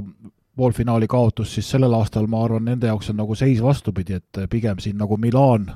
Milan võib olla sellise näoga umbes, et, et kurat, meil läks kehvasti, et, et see nagu see kolmanda-neljanda koha mäng olla, et eks nad algul ikka natuke punnivad, aga seal, seal äh, Milanos on nagu niisugused isiksused, kes lihtsalt, kui üks-kaks nendest loobuvad, siis on jube raske seda pilti nagu kokku saada. Kristo, üllatad? jaa, ma, minu analüüs äh, süveneb nüüd sellele, et äh, see kõik oleneb, kuidas jääb see niidiga seeria sest et kui ütleme, et CSKA peaks kaks-kaks olema seis, seeria pole läbi ja tuleb otsustav mäng pärast Final Fouri, noh siis äh, mentaalselt meeste peas igalt poolt, kuidas, kuhu ja ma ütlen ikkagi, et Armani. selge, Milano läheb kirja ja mina Aga..., mina ütlen siis ka CSKA aga ma olen, aga ma olen sellega selles mõttes teiega nõus, et, et, et, et CSKA jaoks tegelikult sellel hooajal medal oleks nagu väga-väga-väga hea saavutus, et, et. reavõistkond ikkagi. nojah, kui Kalev Cramo teda loputab, et ta võiks muidugi Euroliiga meistriks tulla, siis mingit pidi oleks Cramo ka Euroliiga meister. kõik on loputanud, Parmad, Niisnid, Cramod, kõik on see hooaeg CSKA-d loputanud. no paraku ta nii on jah, et eks need mured ole neil ju olemas ja, ja noh, ega kui Mike James ikkagi ära läks, siis jäi juba ka viisteist, kakskümmend silma ikkagi puudu, et, et me sellest ju kunagi rääkisime, et kes, kes neid nagu, nagu tooma hakkab ja paraku ütleme, Lundberg pole ikkagi seda, seda rolli nagu otseselt üle võtnud, et see la-, lappamine käib ikka päris kõvasti, et võtame kas või selle veerandfinaalseeria Nižniga, et noh, seitsekümmend kaks punkti Nižni vastu, noh, see juba näitab äh, taset. no vot, seal ongi see, et ke-, kellele toetuda nüüd raskel hetkel, et kui kuskilt äh, ei saagi enam viskele või korve ei tule, et siis ju James, see oli täpselt nagu Keen, ütleme Eesti liigas, oli Euroliigas, et äh, kui ta tahtis, ta viskas. ja, ja nii, nii lihtne see oligi, aga kas sisse pani, see oli teine küsimus aga Grande finaale on meil veel jäänud ja meie hinnangul siis äh, kohtuvad äh, selleaastases Euroliiga finaalis pühapäeva õhtul Barcelona ja Anatolu Efes. Partsa kindlalt ütlen ära, kui see mul, no selles mõttes mõni Partsa fänn, vaata, et, et ma kujutan ette, ma tahaks näha, kuidas nad omavahel finaalis on ja siis see Jassikevitsus neid kraane seal kinni keerama hakkab, kus Efes kiunub ja see Ataman ka pärast kiunub, aga see ei pruugi nii minna. nii, ma ütlen, Priit, kohe siia vahele Efes ja sina siis äh, võtad selle viimase sõna. noh, sellest äh EFS-il on nagu tõestamiskohta küll ja, ja EFS-il on üks mees, Michits, kelle, kellega nagu tegelikult äh, Saarasel nagu suusad risti olid ja ja läks mime, minema ja ta iga kord on nagu üritanud nendele näidata, et äh, et ta on ikkagi nagu kõva mängumees ja, ja kui nad hakkavad nüüd kogu rõhku panema Michitsi peale näiteks, siis avab ju teised käigud ja, ja neid käike tegelikult EFS-il nagu on sellega on nõus. kindlasti on ka Barssal omad käigud, aga, aga noh, me just rääkisime siin ühest, kes sai põhijooajal, ütleme, põhiviisi või sinna esimesse viisikusse, kes play-offides on ära vajunud. et kes teda nagu asendab, kindlasti Pau Gasol teeb kõva mängu, aga, aga seal on nagu nii huvitavad nagu erinevad liinid, ütleme, pikkade osakonnas, et see Pau Gasoli nagu mingisugune võib-olla hea mäng, kümme punkti, tegelikult ei pruugi nagu Barssat nagu päästa. ja, ja ma panen ikkagi mingisuguse kui käest läheb, ütleme, no siis ta, ei, punkte ei pidanud nagu panema, lihtsalt ütle, võistkond ütle, punkte ei pidanud ütlema. ma panen FS-i peale. ja ma ütlen, ja ma ütlen, ja mina kui, oota, oota, ja mina nagu ajalooline, nagu ma olen, eks, ajalugu ei räägi ka partsa kasuks põhiturniiri võitja pole võitnud uue euroliigat ju. aga, see, aga, aga räägib. tuleb lähemale no, ja lähemale no,, lähemale. aga võtame nüüd eh, veerandfinaali paarid kui lähedal tõenäosus oli, kolm mängu läks viienda mängu peale, ükski välismeeskond polnud kunagi Euroliigas võitnud viiendat no mängu. aga vaata, vaata, kui kindlalt tegelikult see viies mäng jälle ära võeti, et, et kui see kodutöö on ikkagi nagu ei, ma mõtlen üldse seeriates, kolm seeriat oli viienda mängu peale ja ikkagi kõik koduvõistkonnad võitsid no. nagu, et, et see seeria ei katkenud, kuigi oli päris suur tõenäosus, et see võiks katkeda, noh. jah, seda küll, aga, aga, aga no ma ütlen, üks päev see ikkagi ju peab juhtuma ja, ja täna nagu Barssal noh, võimu küll on, aga, aga ei, mulle aga, meeldib, et Priit tahtis seda öelda, et ükskord ma saan pihta selle ennustamisega, see võib olla see kord ja ainuke seda tuleb, see tuleb iga päevaga lähemale iga päevaga tuleb lähemale, et see minu lahmimine ükskord läheb pihta. aga siia kõrvale ma tahakski sult, Kristo, küsida, et ühes saates üks kuulaja äh, ju kirjutas meile, et, et ta kuulab meie juttu ja, ja selle raames on hea spordiennustusega tegeleda, et kas sa, kas sa soovitaksid kõikidel no., ära sega mind, kas yeah. sa soovitaksid kõikidel meie kuulajatel nüüd kuulata neid ennustusi, mitmega keegi võidab ja selle järgi hakata paugutama? Eh, ma tahtsin just selleni jõuda, et tõenäoliselt meie kuulajad on nii intelligentsed, et minu järgi nad seda kindlasti panema ei hakka, teie jutu järgi võib-olla panevad, et minu ajalugu on näidanud, et ma pihta ei pane, aga, aga, aga no ei no ega see ju, ega need kihlveokontorid panevad ju kõik samamoodi ja samasuguse panevadki meie jutu järgi? ei, põhimõtteliselt meie jutu järgi panevadki ja see tekst eh, noh, huvi, huvitav on vaadata, kui välja tuleb, võib-olla ongi juba väljas ka, et aga, aga eks ta nii ole selles mõttes ja, ja, ja, ja ega see ju kellelegi mingi uudis ei ole, et need on favoriid, aga kas selle, kes selle favoriidi koorma välja veab? no kuskil peaks mingid numbrid juba üleval olema ju kindlasti, kindlasti, eks äh, ma arvan, et šaakalid on juba juba näpud taha saanud, aga, aga meie kindlasti siin mingit hasartmänge ei, ei propageeri äh,, igaüks tegeleb vastavalt oma südametunnistusele, aga kindlasti, mida me võime öelda, et äh, väga põnev nädala lõpp on, on ees ootamas ja ja juba järgmises saates me saame siis hakata, hakata vaatama, kas panime pihta mööda ja kuidas üldse need mängud läksid. jaa, seda on jah, põnev vaadata ja, ja, ja no neid mänge tegelikult juba päris tükk aega oodanud, et, et päris pikk vahe on sees. on jah, see Final Fouriga on kuidagi nii pikaks see vahe läinud, et tavaliselt on nagu kiiremini tulnud, et aga need asjad on nagu veninud ja ja ükskord sina ju meil oled käinud Final Fouril äh, laivis vaatamas, et kunagi võib-olla me ka Priiduga saame, Priit on ka käinud või? olen isegi kaks korda käinud. aa, hakkab pihta, no üle trumpamine hakkab no, pihta sinna ka. ma ise osalesin noorteturniiril. Priit kaks, Siim üks, Kristo null. no Avis peal bussi ei käi Final Fouril, et ükskord hakkab käima võib-olla. aga tõmbame otsad kokku ja nagu öeldud,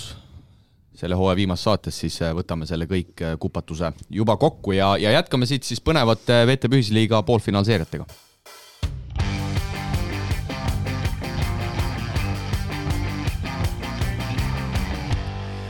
VTB ühisliigas on täies hoos, nagu öeldud, põnevad poolfinaalid, kui eelkõige, ma ütleks, on intriigi toonud seniidi ja Moskva CSKA vaheline seeria. nojah, seda, seda ju sai tegelikult ju ennustatud, et ega kuigi ma ütlen ausalt, et vaatasin neid mõlemaid mänge ja esimene mäng ikkagi mul natuke oli selles mõttes üllatus, et seniit läks lati alt läbi ja CSKA oli väga enesekindlalt, võttis selle mängu ära, et ega praktiliselt seniidil nagu variante ei tekkinud. et see seis seisuks, aga kogu aeg domineerisid ja kõik käigud olid olemas. teises mängus seniit oli nagu maha rahunenud, nende, nende plaan oli palju selgem, nende olek oli palju enesekindlam ja kui Tornike Schengelia poleks sealt rinna pealt äh, seda kolmest ära tõuganud, siis oleks see põhimõtteliselt üsna kindel võit, kuigi ka kolmega ainult oleks tulnud seniidile nagu koju, et, et ega seal enam CSKA-l väga variante polnud. ja, ja ega siis äh, lisaaeg läks ka ikkagi üsna kindlalt, äh, ütleme, okei okay,, seis jäi küll jälle väike, aga, aga seniit ikkagi võttis üsna kindlalt ära no siin vaidleks vastu, et, et ütleme nii, et kui Tornike Schengelia poleks rinna pealt ära ära tõuganud, siis ei oleks Aare Alliko riielda saanud ja kõik asjad hakkasid sealt arenema, eks, et seal ju tegelikkuses, kas ma eksin, et, et kolmega oli maas, kui tehti viga Pilli Pärani vastu ja sai kolm vaba viset? no see, selle kohta öeldi, et see oli treeneri kala, et ta ei oleks tohtinud sellist meest kaitsesse nagu jätta, et ei, seda küll, aga ma mõtlen, aga sel hetkel ju tegelikult ju CSKA oli kolmega ees, et see oli teise, esimese lisaaja lõpp äkki või? nojah, ei no siis mäng läks küll, aga ma ütlen kokkuvõttes nagu ikkagi noh, ühe korra tuli CSKA rongi alt välja, siis tuli Zeniit rongi alt välja, noh, järelikult äh, see oli nagu võrdne osakaal, aga kokkuvõttes selle mängu domineeris, seda teist mängu domineeris ikkagi Zeniit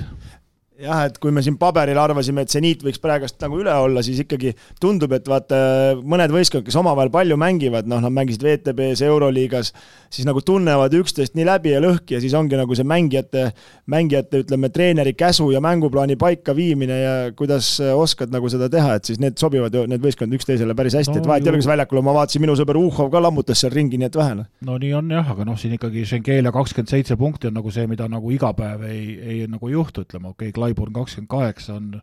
natuke loogilisem tulemus, aga, aga Schengelia pole see aasta nagu nii palju, nii palju punkte nagu väga näidanud, et Schengelia paugutas seal kolmeseid ka ikkagi päris isuga. noh, esimeses mängus lasti tal visata vabalt, pani selle ässa, siis ta rohkem ei proovinud, aga, aga aga no mis ikkagi näitab seniidile ikkagi, et, et noh, paar on esine mäng, oli vist kaks või neli punkti, seekord kakskümmend ja kohe oli teine pilt ka nagu. ja, ja Pangos omad tegi jälle ära ja Tarik Black tegi hea mängu, et äh, möllas seal korvi all ikkagi päris korralikult ja, ja sai nagu, sai nagu, see oli see, mis esimeses mängus nagu CS või selle seniidil puudu jäi, et alt ei olnud nagu tugi, tuge ei, ei käinud läbi ja Baaron võeti rajalt maha. aga kuna nüüd pall käis alt läbi, Baaronil tekkis rohkem ruumi ja, ja kakskümmend, ütleme, on tal, tema jaoks isegi veel tagasihoidlik tulemus, et võiks nagu rohkem tulla ja kui me tuleme teise seeria juurde, siis äh, me küll pakkusime kõik kolm siin äh, Kubanile kerget eelist, aga aga olgem ausad, me ei teadnud äh, päris kõva muutujat selles seerias, et äh, Mantas Kalnietis vähemalt kahes esimeses seeria mängus äh, kaasa ja Kubani poolelt ei teinud, tuletan meelde, et tegu siis VTB ühisliiga selle hooaja põhiturniiri kõige parema mängijaga ja mõlemad mängud Kuban koduväljakul Unixile kaotab, esimese kodus lisaajal üheteistkümnega ja teise kodus kümnega. No selgelt on näha joonis, et mängujuht on puudu ja, ja nad küll võitlevad ja rapsivad ja Nad tulid ju esimeses mängus, olid ju miinus üheksateist oli Lokomotiiv taga, panid noored vene mehed sisse, need mängisid äh, selle seisu lisaaja peale. lisaajal äh, üsna kindlalt äh, Unix ikkagi võttis oma. Ja, ja, ja teine mäng Unix kontrollis seda asja nagu, nagu veel rohkem ja ega, ega, ega Lokomotiiv nagu väga sinna pilti ei saanud nojah, et siin ikkagi, kui vaadata ka skoore, okei okay,, play-off ma saan aru, aga Lokomotiiv oli ikka niisugune üheksakümne, saja punkti võistkond, nüüd on no kui ikkagi mängujuht ei ole ja mis see Mantosel oli, see üheksa söötu? üheksa koma kaheksa vist. üheksa koma kaheksa, jah. pea kümme söötu jääb puudu, eks ju. no viisteist punkti. kümme söötu on kas äh, kümme kuni viisteist punkti, eks ju, et, et et seda küll, jah. kakskümmend, kakskümmend punkti näiteks, et äh, noh nii on. aga kiire küsimus, ega ma ju nii, ma ei käi, mul ei ole arvutit nagu teil on, et äh, kas see Ife Lumberg on back in business või see on? Äh, ei, teises mängus ta ei osalenud, et äh, ei olegi rohkem nagu kirjutatud, mis ta sellest haiglasse minekust nagu sai, et kui ta seal esimese mängu poole pealt ära viidi, et seda, seda infot pole rohkem peale tulnud. ma ikka midagi leidsin, et, äh, et pidi olema okei okay., ta küll nagu Priit mainis, teises mängus kaasa ei teinud, aga aga ma usun, et ta on olemas Final Fouriks, aga mine sa tea jah, et see, see on ka tegelikult üks jällegi, okei okay,, teeb, kuidas ta teeb, kas ta mängib viisteist, kakskümmend minutit, aga see on ka üks käik jälle, kust on nagu CSKA-l nagu juurde panna ja kui seda käiku ei ole, siis on jälle loterii, allegrii okei okay,, aga jääme siis ootama ja vaatame ka VTB poolfinaalseeriaid. Need saame siis ka, ütleme, viimases saates juba kokku tõmmata. liigume siit edasi eestlaste tegemiste juurde välismaal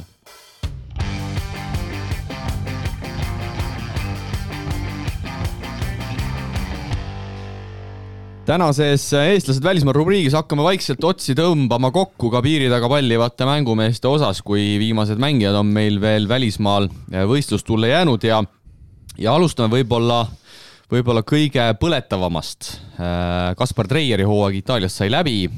jäädi siis veerandfinaalseerias kõigepealt võõral väljakul Veneetsia vastu seerias null kaks taha, siis koduväljakul seeria kaks-kaks viigistati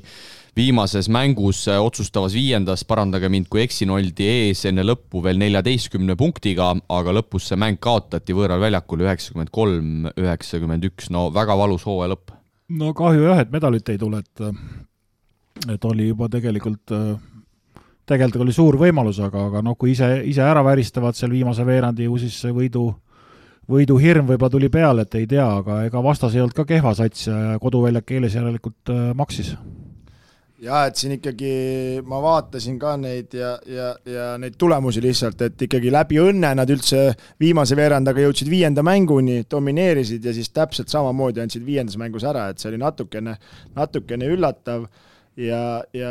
vaatan kohe järgi ka kiirelt ja oligi kaks, kolmkümmend neliteist oli viimane veerandaeg, Veneetsia siis võitis selle ja kuusteist punkti ikkagi ja kahega kaotasid, et neliteist punkti anti viimase veerandajaga ära, et päris karm. no see on selles mõttes hea näide, et äh, vaata põhiturniiri, noh, me just rääkisime, et kas Sassari saab neljanda koha või ei saa, eks ju, koduväljak ei lõpuks see maksis. ei saanud ja lõpuks see maksis, et, et põhiturniiril on ikkagi väga suur nagu tähtsus, et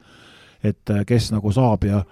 kui esimese ja kaheksanda vahe on kindlasti suurem, siis vot seal keskosas on eriti just see mäng käib ja see oli selles mõttes nagu väga hea näide. ja ega üldse, kui me siin Euroliigas juba rääkisime, ega viimastest aastatest ei mäleta küll, et kui oleks läinud viienda mängu peale, et see võõrsil võistkond selle mängu võidaks, no ei ole väga sellist asja juhtunud. no ega väga ei ole jah, et, et selle, selle nimel ju ikkagi nähaksegi vaeva, et saad see on kuidagi selline, mulle tundub, et selline mentaalne eelis on see ka ikkagi kuidagi selline. nojah, et seal on juba kõik asjad räägivad nagu sinu kasuks, et aga ma tooksin veel niisuguse kiire näite välja siin see Sassari juures, et neljandas mängus, kui nad olid kaks-üks taga, et äh, ikkagi see mäng kõikus ka ikka nii veerandajagiti nii üles-alla, et äh, esimese veerandaja võitsid kakskümmend kuus neljateistkümnega, teise said tappa üksteist kakskümmend üheksa äh, et siis kaheksateistkümnega kohe, et ja neljaga pool ajal taga, siis kakskümmend kaheksa, kakskümmend neli võitsid kolmanda veeranda ja neljanda võitsid kakskümmend seitse, neliteist, et seda kõikumist oli ikka jube palju, et ma ei tea, see hull oli tagasi, see treener või, või mis seis sellega oli? Treener oli tagasi, aga noh, Itaalias ka nemad nagu tempot alla ei tõmba, et ja seal on, piisab sellest, et üks võistkond eksib kolm korda järjest, vastased koputavad ära, on kohe mingisugune kaheksa, üheksa, null, on, tuleb üks spurt, siis tulevad teised, teevad täpselt samasuguse käigu vastu, et äh, seal nagu selle taktikamängu peale väga nagu rõhku ei panda, et, et pigem ju võib see juhtuda näiteks seal kuskil finaalis, kui peaksid saama peale Armani ja ja siis äh, serbide sats, ütleme, et äh, Pol Polonia Virtus. et võib-olla seal hakkab niisugust asja nägema, aga praegu käib seal ainult ikkagi kor korralik uhamine. nii et Sassari ja Treieri hooaeg selleks aastaks läbi ja ja poolfinaalides siis olgu öeldud, nagu Euroliiga juttude juures sai öeldud, Milano siis kohtubki sellesama Veneetsiaga ja teisel pool siis äh, on ka paremad meeskonnad äh, jõudnud poolfinaali, ehk siis põhiturniiri teine Brindisi ja põhiturniiri kolmas Priidu mainitud äh, Bologna Virtus. no vot, selle, see tuleb huvitav paar, see esimene, sellepärast et seesama sama Veneetsia on seda, seda Milani siin viimastel aastatel päris korralikult ikka kottinud ja, ja ja kas, kas see aasta juhtub sama, et, et noh, päris huvitav saab vaadata olema. ja Veneetsia ju hakkab mõnusalt valmistuma ja Milano peab siin selle Final Fouri ära mängima ja kui seal peaks nii-öelda asi ebaõnnestuma no,, siis me, mina panin ta neljandaks näiteks, kui nad tulevad sealt oma kurvade nägudega, siis, siis ja Veneetsia on Veneetsia nii valmis ainult ootab seda just valmis olla saab, aga muidugi Milano selles suhtes kindlalt käis Trentost üle, aga Trento oli ka põhiturniiri kaheksas, Veneetsia on siis neljas, nii et seal, seal on ilmselt vaks vahet. liigume Saksamaa juttude juurde, Maik-Kalev Kotsar äh, läks nii esimeses mängus, nagu natukene arvata oli, olgugi et põhiturniiril mõlemad mängud Alba vastu võideti, siis kindlalt esimene mäng neljapäeval Berliini satsile kaheksakümmend kaks, viiskümmend üheksa no vaata, nii juures on see, et viiskümmend üheksa punkti ikkagi, et kraanid keerati täitsa kinni ja, ja, ja see on nagu no, natuke üllatav, et ikkagi Alba oli ka, on võimeline ütleme siis kaitset mängima, et nad on rohkem muidu hooaja jooksul näidanud, et visake palju tahate, viskame rohkem. Ei no Alba oli selle mängu te, tegelikult ütleme, Kotsari sats ei saanudki mängu sisse, seal oli ta ikkagi nii lahti arutatud ja kui me tegelikult ausalt ütles, ma vaatasin ka neid põhiturniiri viimaseid mänge ja see, see Kotsari võistkonna mäng oli nagu üsna niisugune läbiloetav ja treener ei olnud nagu ühtegi, minu arust ühtegi uut käiku ei suutnud nagu teha ja, ja ega talle ei antud ka väga palju, et, et ikkagi see äh, Alba, Alba noh, tuli ja, tuli ja kohe võttis selle mängu nagu oma kätte ja, ja siit oli ainult minek. et äh, mitte mingeid var-, variante ei jäänud ja isegi Sigma ju ei mänginud Albal. et see käik on veel nagu Albal nagu lisaks olemas, aga ma ütlen, et see mäng oli nii läbiloetav, et, et seal ei olnudki väga raske seda nagu kinni panna ja kogu see, mis äh, Maik veel viimane saates rääkis, et kaitses, kuidas nad üritavad suunata nagu sinna korvi alla kogu aeg mingi abi, siis siis Alba nagu seda käiku ei lasknudki üldse teha, et nad karistasid võimalusel eemalt kohe ära ja, ja nii nagu natukene äh, kaitse tõusis, siis, siis tehti korvi alt peeneks, et äh, noh, seal selles mõttes nagu Albal oli ikka seda jõudu kõvasti ja mõistust rohkem. ja Alba poolelt Kristo, meie sõber Kumatši, mäletad siin Avtodoris istus pingil hooaja alguses põhis kakskümmend üks minutit, neli punkti, viis lauda, et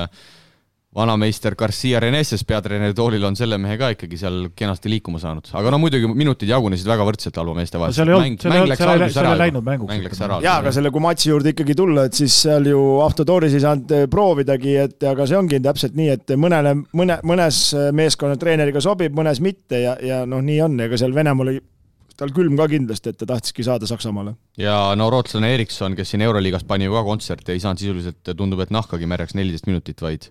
selles esimeses no teda ei olnudki põhimõtteliselt vaja. vaja ei olnud, jah. Eh, noh, aga samas noh, tema olek on nagu selline, et järgmine kord, kui läheb, läheb nagu mänguks, siis on võib-olla tema kord jälle, et aga üldiselt jah, Alba oli väga kindel. Läheme Leetu, äh, Kristjan Kitsing ja Vilniuse Leetus Ritas siis lõpuks äh, lõpuks said ka veerandfinaalseeriaga pihta hakata, kuna Šiauliai meeskonnast käis korralik koroonalaine üle, siis nüüd lõpuks saadi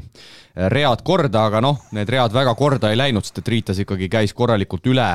üheksakümmend kaheksa, kuuskümmend ehk siis lausa kolmekümne kaheksa punktiline võit avamängust ja, ja Kitsingult suurepärane tegutsemine viieteistkümne minutiga vaid viisteist punkti ja viis lauda. no Šiauliail oli kas viis või kuus meest, nad olid üles loetud ka, ma nii täpselt ei fikseerinud, aga olid ikkagi puudu et äh, Kaspar Persins oli ka selles nimekirjas igatahes sees, nii et seal nagu põhimehi polnud ja ja ega seal ka väga raske, seal Riitasel ei olnud seda võitu võtta. jah, aga keegi seda juulikuus enam seda ei näe, palju seal mehi puudu oli, et Kitsing tegi selles mõttes hea esituse, et tahtis järgmise aastaks välismaale jääda, kaheksateist punkti kui esimeses ei muidugi, absoluutselt, ega see ei vähenda absoluutselt Kristjani rolli, et äh, ükskõik mis olukorras tuleb oma silmad ära visata ja oleks võinud isegi rohkem panna võib-olla. jah, sai oma võimalused väga väheste minutiga väga palju punkte, et see oli päris hästi tehtud. seal ka peatreener äh, jagas seda mänguaega väga julgelt, Koudelokiga äh, olid siis resultatiivseimad mõlemad viieteistkümne punktiga, Kitsingu kolmesed seitsmest neli, nii et noh, suure tõenäosusega sealt astutakse kindlalt edasi ja, ja poolfinaalis siis on ees ootamas juba Lietkabelise meeskond, kes kaks-null võitis veerandfinaalis Klaipeda Neptunast ja teisel pool siis juba vaikselt alustamas poolfinaali Kaunas Žalgiris ja, ja Utena Juventus, nii et äh, nii palju siis Leedust ja, ja käime siit Islandi jutud ka üle, Joonas Järveläinen on siis äh, viigistanud äh, väga hea mängu taustal äh, veerandfinaalseeria seal, kahekümne kolme minutiga vaid koguni kakskümmend kolm punkti Joonaselt ja ja seeria Stjarnani vastu on siis äh, üks-üks viigis, nii et äh, hoiame ka nendel tegemistel seal kuumaveeallikatel silma peal. on mehed veel siia midagi lõppu lisada? No ja lood, loodaks ainult, et kuskilt ikkagi mingi medal ka tuleb, et noh, kõige reaalsem tundub hetkel, et, et, et Leedust äh, peaks ikkagi Riitas nagu finaali välja purjetama, et äh, et hoiame pöialt ja et Kristjanil endal ka hästi läheks. aga nüüd siis äh, lähme edasi Nordeidi küsimusmänguga ja, ja täna viimast korda, kui tõmbame otsad kokku ja, ja koos Jaan Allikuga siis anname parimatele auhinnad. Nordeidi küsimusmängu toob teieni Ubiki nool kuu kümme, elimineerides kurnatuse ja füüsilise jõuetuse viimane Nordeidi küsimusmängu nädal on otsakorral ning aeg on välja kuulutada koos Jaan Allikuga viimase nädala õige küsimus ning lõpuks siis ka poodiumile välja jõudnud eh, esikolmik. tere, Jaan Allik! no tere, mängumehed! aga lähme siis mälumängu juurde. Eh, küsimus puudutas meil siis Eesti seni viimast vilenaist. Eh, viimasel vilenaisel, kusjuures on täitsa väga selline, ma ütleks, korvpalli perekonnanimi kahjuks küll ilma täppideta perekonnanimi, tema perekonnanimi on Karp, Jaanika Karp. oli suht naljakas siin kuulata, et minu arust Mängumeest saates oli eelmine kord ka siin ühe teise karbiga juttu enne ja siis pärast küsiti hoopis teist karpi. aga nagu ma aru sain, ei ole omavahel sugulased, siis äh, Rapla meeskonna karp ja äh, see Jaanika Karp, aga tema on siis Eesti seni viimane viljanaine, kes on väljakul nagu vilistamas käinud kõrgemates äh, tasemetes õigeid vastuseid tuli kokku minu arust täpselt kolmkümmend, kõik vastused olid loomulikult õiged. siin mõni reageeris siin väga kiirelt. kellele me seekord auhinna välja loosime siis, kuidas me teeme? meil on siin kolmkümmend nime. aga no. te, teeme Jaan nii, et äh, Priit ütleb täna selle, selle võitja numbri, nii et Priit, ole hea. no ma pakuks kolmkümmend, et äh, sellepärast, et äh, keegi, keegi nagu, kes viimane nagu hooajal nagu seda vaeva ka nägi, et, et et muidu oleks kakskümmend üheksa olnud, aga nüüd on kolmkümmend vastajat siis tegelikult on meil kolmkümmend hoopis Anu Arukaev, kes ka kindlasti mitte auhinda veel võitnud. Nii et saan aru kaevale, ma pakun välja. ja Anu oli siis viimane pakkuja reede õhtul äh, kakskümmend kaks, viiskümmend üheksa, nii et ja palju õnne, Anu, võta meiega ühendust ja, ja toimetame sinuni Nordeidi äh, toidulisandite paketti nüüd muidugi kõik need, kes ootavad siin üldvõitja väljaselgitamist, siis ma pean ütlema, et üldvõitja kahjuks ei selgunud. ei suutnud kaks kangat kivi siin siis Koit Kalmus ja Hardi Traumann selgeks teha, kumb neist on siis nagu pehmemast puust või kivist tehtud. mõlemad vastasid esimese kümne seas ära sellele küllaltki keerulisele küsimusele. nii et siis tuli siin kokku auväärne žürii koosseisus siis kõik mängumehed ja otsustati, et mõlemad mehed on seekord siis kullamehed ja saavad siis Nordidilt väärt auhinnakomplekti, annan nüüd sõna siis Siimule. Just, äh, kakskümmend kolm punkti, ehk siis äh, mulle tundub, et sisuliselt kõikide voorude õiged vastused meestelt tulid, meil oli kokku siis kakskümmend vooru. Ja kui ma nüüd ei eksi, Jaan, paranda mind, meil oli vist Saaremaa versus Hiiumaa et Koit Kalmus Hiiumaa ja Hardi Traumann Saaremaa. ja nii vähemalt väidetakse, Koit Kalmus kindlasti Hiiumaa ja Hardi Traumann siin kirjutas mulle, et tal on hea meel, et saab hiidlasega võistelda saarlasena. okei okay, mm., nii et äh, kahjuks või õnneks jäi viiki no selle, selle, selles, et maailmas ikka rahu säiliks, siis ongi see viik nagu õiglane, et kui me oleks praegu kas hiidlasele või saarlasele andnud, siis võib-olla oleks siin praamid hakanud liikuma ja ähvardama üksteist siin veel nii et äh, palju õnne, Hardi Raumann, Koit Kalmus, äh, jällegi olge head, võtke meiega ühendust ja siis äh, saame kõik selle hea ja paremini teieni toimetada ja ja kolmas koht siis ka korvpallitaustaga Risto Merimaa. Ja kui ma nüüd ei eksi, siis ka minu meelest Hiiumaa, kakskümmend üks punkti, nii et tema jäi siis jäi siis võitjatest kahe punkti kaugusele. veidi statistikat kokku, sada kolmkümmend kaheksa osalejat sai siis vähemalt ühe punkti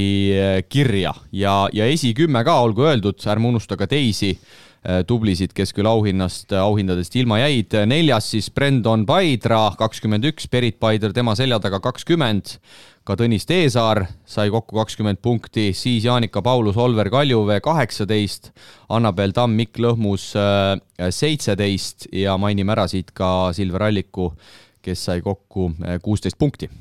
Kusjuures Silver Allik torkas mulle silma sellega, et ta oli vähemalt kaks või kolm korda ainukene inimene, kes saatis ära vale vastuse, kui ta õiget vastust ei teadnud, nii et äh, julgus on see, mis seda iseloomustab kindlasti. noh, aga see on allikutele omane. Absoluutselt. Ja, ja siia lõppu, Jaan, äh, tahaks teha suure kummarduse sulle, et äh, kohe, kui see, see mõte siin mul idanema hakkas ja rääkisin siin teiste mängumeestega läbi, kes olid absoluutselt selle mõttega nõus, siis hea, et sa tulid kohe ilma pikema mõtlemiseta punti ja ja ma usun, et jällegi selline korvpallirahvast natukene hariv rubriik ei, ei tee meie saatesse paha. absoluutselt, mina olen alati valmis jätkama koos teiega. Suuret... aga kõigepealt teeme ikkagi vähemalt sügisel ära need vahele jäänud korvpallimälumängu meistrivõistlused, ma arvan absoluutselt. ja eks siis meie kohustus oleks mängumeeste tiim ka välja panna ja tulla seal see ka näidata oma teadmisi ja, ja, ja igal juhul, Jaan, et täname ja, ja oli huvitav ja ühte ma ütlen, kuupäev pannakse paika vastavalt siis Kristo Saage sõidugraafikule,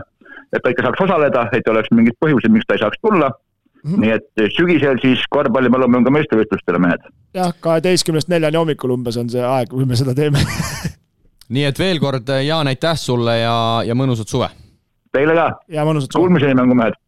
Ja lisaks äh, Jaanile me kindlasti äh, saadame tänusõnad ka kõikidele vastajatele, nagu öeldud, sada kolmkümmend kaheksa neid äh, oli, kes, kes siis vähemalt silma, silma pähe sai ja, ja kõige suurem kummardus võib-olla et isegi Nordeidile, kes need auhinnad on siin läbi selle poolaasta välja pannud ja, ja suuresti ka, ka selle eest tänu, et, et me saame siin kolmekesi üldse seda, seda asja jätkuvalt teha. nii et oli selline, ma arvan, et päris hea vaheldus inimestele no.. et ikkagi küsimused, ma veel kord tunnustaks Jaani, et küsimused olid väga head, et sellised endalegi silmaringi avardavad korvpalli teemal. no ikka, ikka, et ega, ega, ega muidu ju targemaks ei saa, et tuleb osad asjad nagu meelde tuletada ja, ja läbi käia ja ja, ja noh, ka ütleme, vastajate huvi ju tegelikult näitab, et äh, päris, päris pihta läks. jaa, et igal juhul jah, suured tänud siin Nordeidile ka igal juhul, et alati on ju põnevam osaleda, kui midagi ka mängus on ja, ja, ja väike vitamiin äh, meie sponsori poolt äh, igal juhul suur tänu talle kuulaja küsimus mängule paneb õla alla Ballsi, parima valikuga ketsipood Eestis. tutvu valikuga www.ballsi.eu Nonii, viimases rubriigis, nagu ikka, on meid ees ootamas kolm kuulaja küsimust ning parimale küsijale paneb Team Spirit välja mängumeeste uhke T-särgi ja täna alustame alustame Rauli küsimusega. Tere, mängumehed, mis te arvate, kui Ameerika koondis peaks olude sunnil maailmameistrivõistlustele või olümpiale välja panema koondise ainult Euroliigas pallivatest mängijatest? milline võiks olla sellisel juhul isikkoosseis ning kas sellel koondisel oleks perspektiivi näiteks nelja tugevama hulka tulla? ja oletame, et selle koondise peatreener peab samuti olema Euroliigast, kes see mees võiks olla? tervitades, Raul no ma panin satsi kokku, mehed, ja eks te saate siis hinnata, kas on hea sats ja kas võiks nelja tugevama hulka jõuda ja, ja kes, kelle ma sealt võib-olla välja jätsin, kes seal võiks olla. ma panin kaksteist nime kirja ja jätsin siia trobikond mehi veel, ütleme kümne ringis, kes minu valikusse ei, ei pääsenud. Ja ma hakkan siis tagumistest pihta, Shane Larkin, Corey Higins, Pierre ja Henry, Norris Cole, Scotti Wilbekin, Will Clyburn, James Anderson, JC Carroll Brandon Davis, Brian Dunston, Kyle Hines ja Otello Hunter Tege-, tegelikult peaks kõigepealt panema treenerid paika, vaata. treeneri ma panin ka, mina paneks sinna, see on minu arvamus, mina paneks sinna Kokoškovi, kes on ameeriklastega harjunud, kes teab väga hästi ka, ka NBA korvpalli ja, ja mis kõige olulisem, tal on äh, Ameerika pass ka. no see on üks ja teine mees oleks äh, Ettore Messina tegelikult, kes on ka NBA-s olnud ja teab ka ameeriklasi, et et kõik hakkabki nagu sellest pihta ja kui sa paned kohe Shane Larkini ja Ettore Messina kokku, siis ma arvan, sealt sellest kompotist midagi välja ei tule, eks, et aga noh, hea küll, eeldame, et see treeneriks saab siis Kokoškov, et siis, siis sellisel juhul see võib-olla isegi oleks, aga aga ta märgib ju Türgi koondises tegelikult. võtame siis Larkini välja, ma pakun teile välja, mul on siin pandud Delaney, Walkup ja Jordan Lloyd Zvezdast. no vot, pigem, pigem ütleme, mina paneks need Lloyd ja, ja, ja Delaney sinna võistkonda nagu, et, et me noh, peaksime nagu lähtuma täpselt sellest, mis on nagu olnud see hooaeg ja, ja, ja ütleme, et kes siis nagu võiksid hetkel kohe minna, kui seda väga vaja oleks, olümpia on juba paari kuu pärast, eks ju. ja üks nimi veel äh,, Wade Baldwin ka, Bayern oli mul siin kirjas. ja kõige pullim oli see, et ma hakkasin vaatama, siis jõudsin top seitsme satsini, siis ma jõudsin nelja nimeni, et tegelikult, tegelikult ameeriklasi polegi nii väga palju top seitsme satsis, et noh, neid on, aga ma mõtlen just koondise kandidaatidena. no ma loen ette siis ka mehed, kes mul välja jäid, kui leiate, et peaks kuuluma ja kelle asemel, siis siis andke kõvahäälselt märk, märku Chris Singleton, Jalene Reynolds, Trey Tompkins, Casey Rivers, Alex Poitres, Alex Peters, Jordan Mickey no, võtaks, võtaks ikkagi nagu positsiooni kaupa, et, et kui me mängujuhid, mängujuhid nagu peale saaks, siis peaks vaatama, kust nagu punkt hakkab tulema, noh. ja, ja, ja vanem treener räägib. ja, ja, ja kes on nagu viskajad ja kes nagu taustajõudu mängib ja siin, siin tuleb nagu ühes asjas nagu kindlasti nagu tuleb Euroopas mängivate meeste kahjuks, et sellist, sellist power'it ja sellist jõudu, nagu me siit Euroopast ütleme, nagu USA on tavaliselt tulnud oma koondisega, et sellist me ei leia. aga me leiame nagu sellised mehed, kes tegelikult on harjunud mängima joonist, kes on harjunud distsipliiniga ja kes omal hetkel nagu ära nõelavad ja näiteks noh, ütleme, kui niisugune Kail Kuritši-sugune mängumees sisse tuleb, iga kord äh, kolm kolmest näiteks paneb Slovakkia koondises. Pole mänginud. siis, äh, siis oleks kõik nagu, nagu väga ilus, eks ju, aga teda ei, ei saa sinna võistkonda panna väga peenelt. näiteks võtame, võtame sellise hea vahetusmehe teistsuguse stiiliga natuke, aga uh, Uleb Cupi MVP võiks kindlasti olla, mis sest, et ta on vana mees aga, aga, aga ütleme, see Schmidt, et või mis ta nimi on, Jalen Schmidt või kuidas ta nimi on? Priit ei kuula küsimust vist üldse. euroliigas mängivatest ei, aga mina tahtsin selleni ka jõuda, et ega ta Euro... mängib euroliigas, kohe hakkab tulema ju. ma paneks Kiini siis ka. ei, ei, ei, ei tegelikult on, ei, ega seal, ma räägin, euroliigas vaadates, ega neid USA vendasi pole nagu nii, nii, nii häid nii palju, et, et selle, saaks selle koondise kokku, et saakski, peab ikka kindlasti Eurokappi ja laiemalt ka minema, et see oli, mu enda mõte oli ka Unixist vaadata, seal neid palju oli ja head tulemust tegid. aga ma ütlen, viimases valguses tegelikult Derek Black on teinud väga korralikke mänge ja ja see annab nagu vaata seda jõudu ka juurde, nüüd oleks vaja leida üks selline viskav neli, kes äh, nagu seda mängu nagu laiali veab. Clyburn võib nelja peal ka rahulikult mängida. no võib küll jah, aga siis jääb vaata seal... seda massi nagu väheks, et, et siis, siis võib-olla siis tuleb juba Kyle Hines punti võtta näiteks et kui on kõvad viskajad. Tompkins kõvad... tegelikult on. ei no ennem, ennem võtaks juba, ennem ma juba võtaks Milanost Jack Delay noh jah, see on, see on alles äh, nooruk, sellega ei no jah, aga kui sa nelja peale tahad, tal tegelikult on mingi tegelikult Trey Tompkins mina paneks isegi no, Trey Tompkins on ka tegelikult valmis tegi..., valmis mängumees. ja tegi, ja tegi Realis tegelikult väga kõva play-off'i. ja kui me paneks nüüd sellise viisiga kokku, no siis äh, ma ei ütle, et nad olümpiavõitjaks tuleks seda või maailmameistriks, aga, aga kindlasti annaks nagu seal äh, sakutaks kõvasti. seal nagu joonistada ja, ja oluline, oluline roll oleks siis sellel nii-öelda teisel viisikul, et kes sealt pingi pealt nagu tuleb, et et kui me sinna leiame ikkagi ka mõned päris korralikud äh, mängumehed, siis siit annab nagu joonistada küll, aga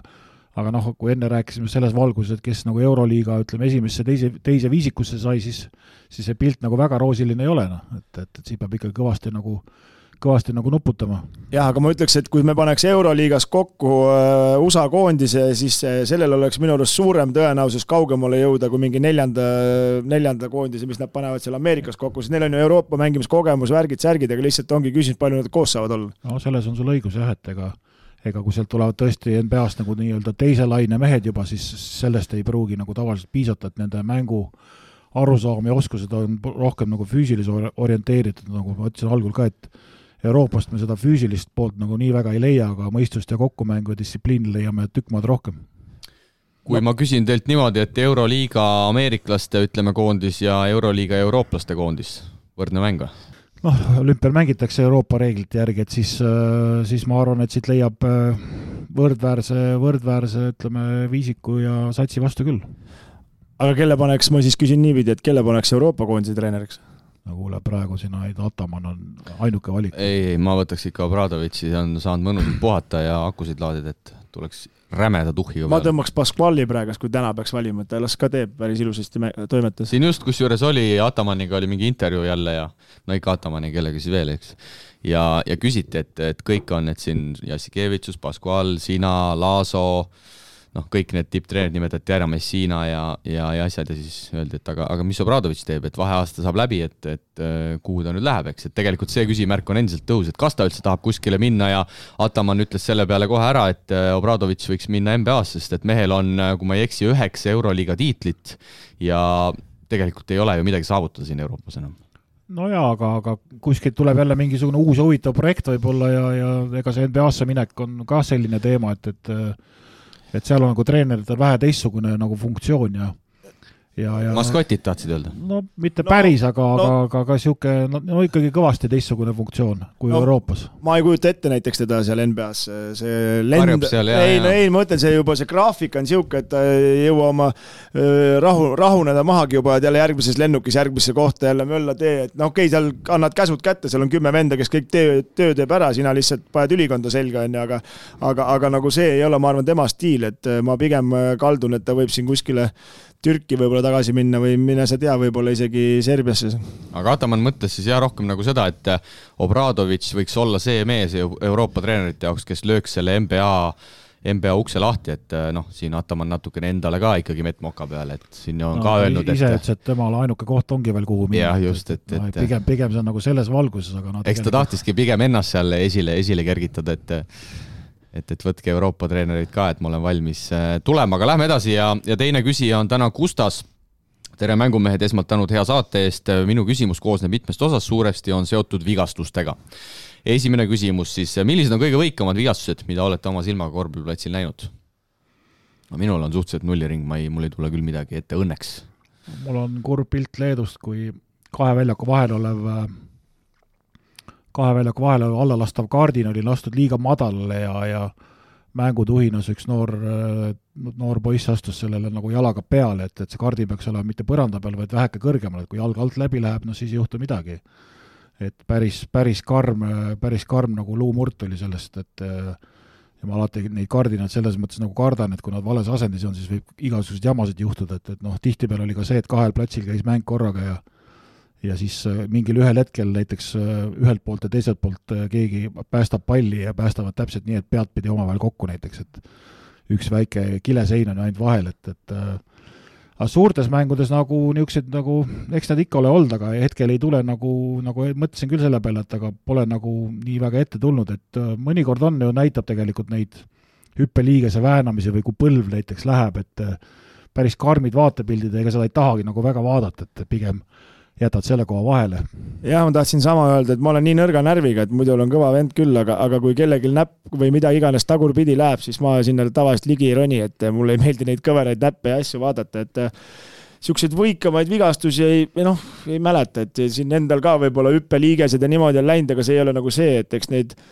hullemaid asju, neid jah, põlvesi asju on siin libisemisega nii edasi läinud, et aga mingi päris tagurpidi jalga õnneks näinud ei ole ja, ja, ja ei, ei meenu küll praegust. aga lähme Gustase küsimustega edasi, kas teil tuleb ette mõni Eesti korvpallur, kes oli väga talendikas, kuid suur tähelend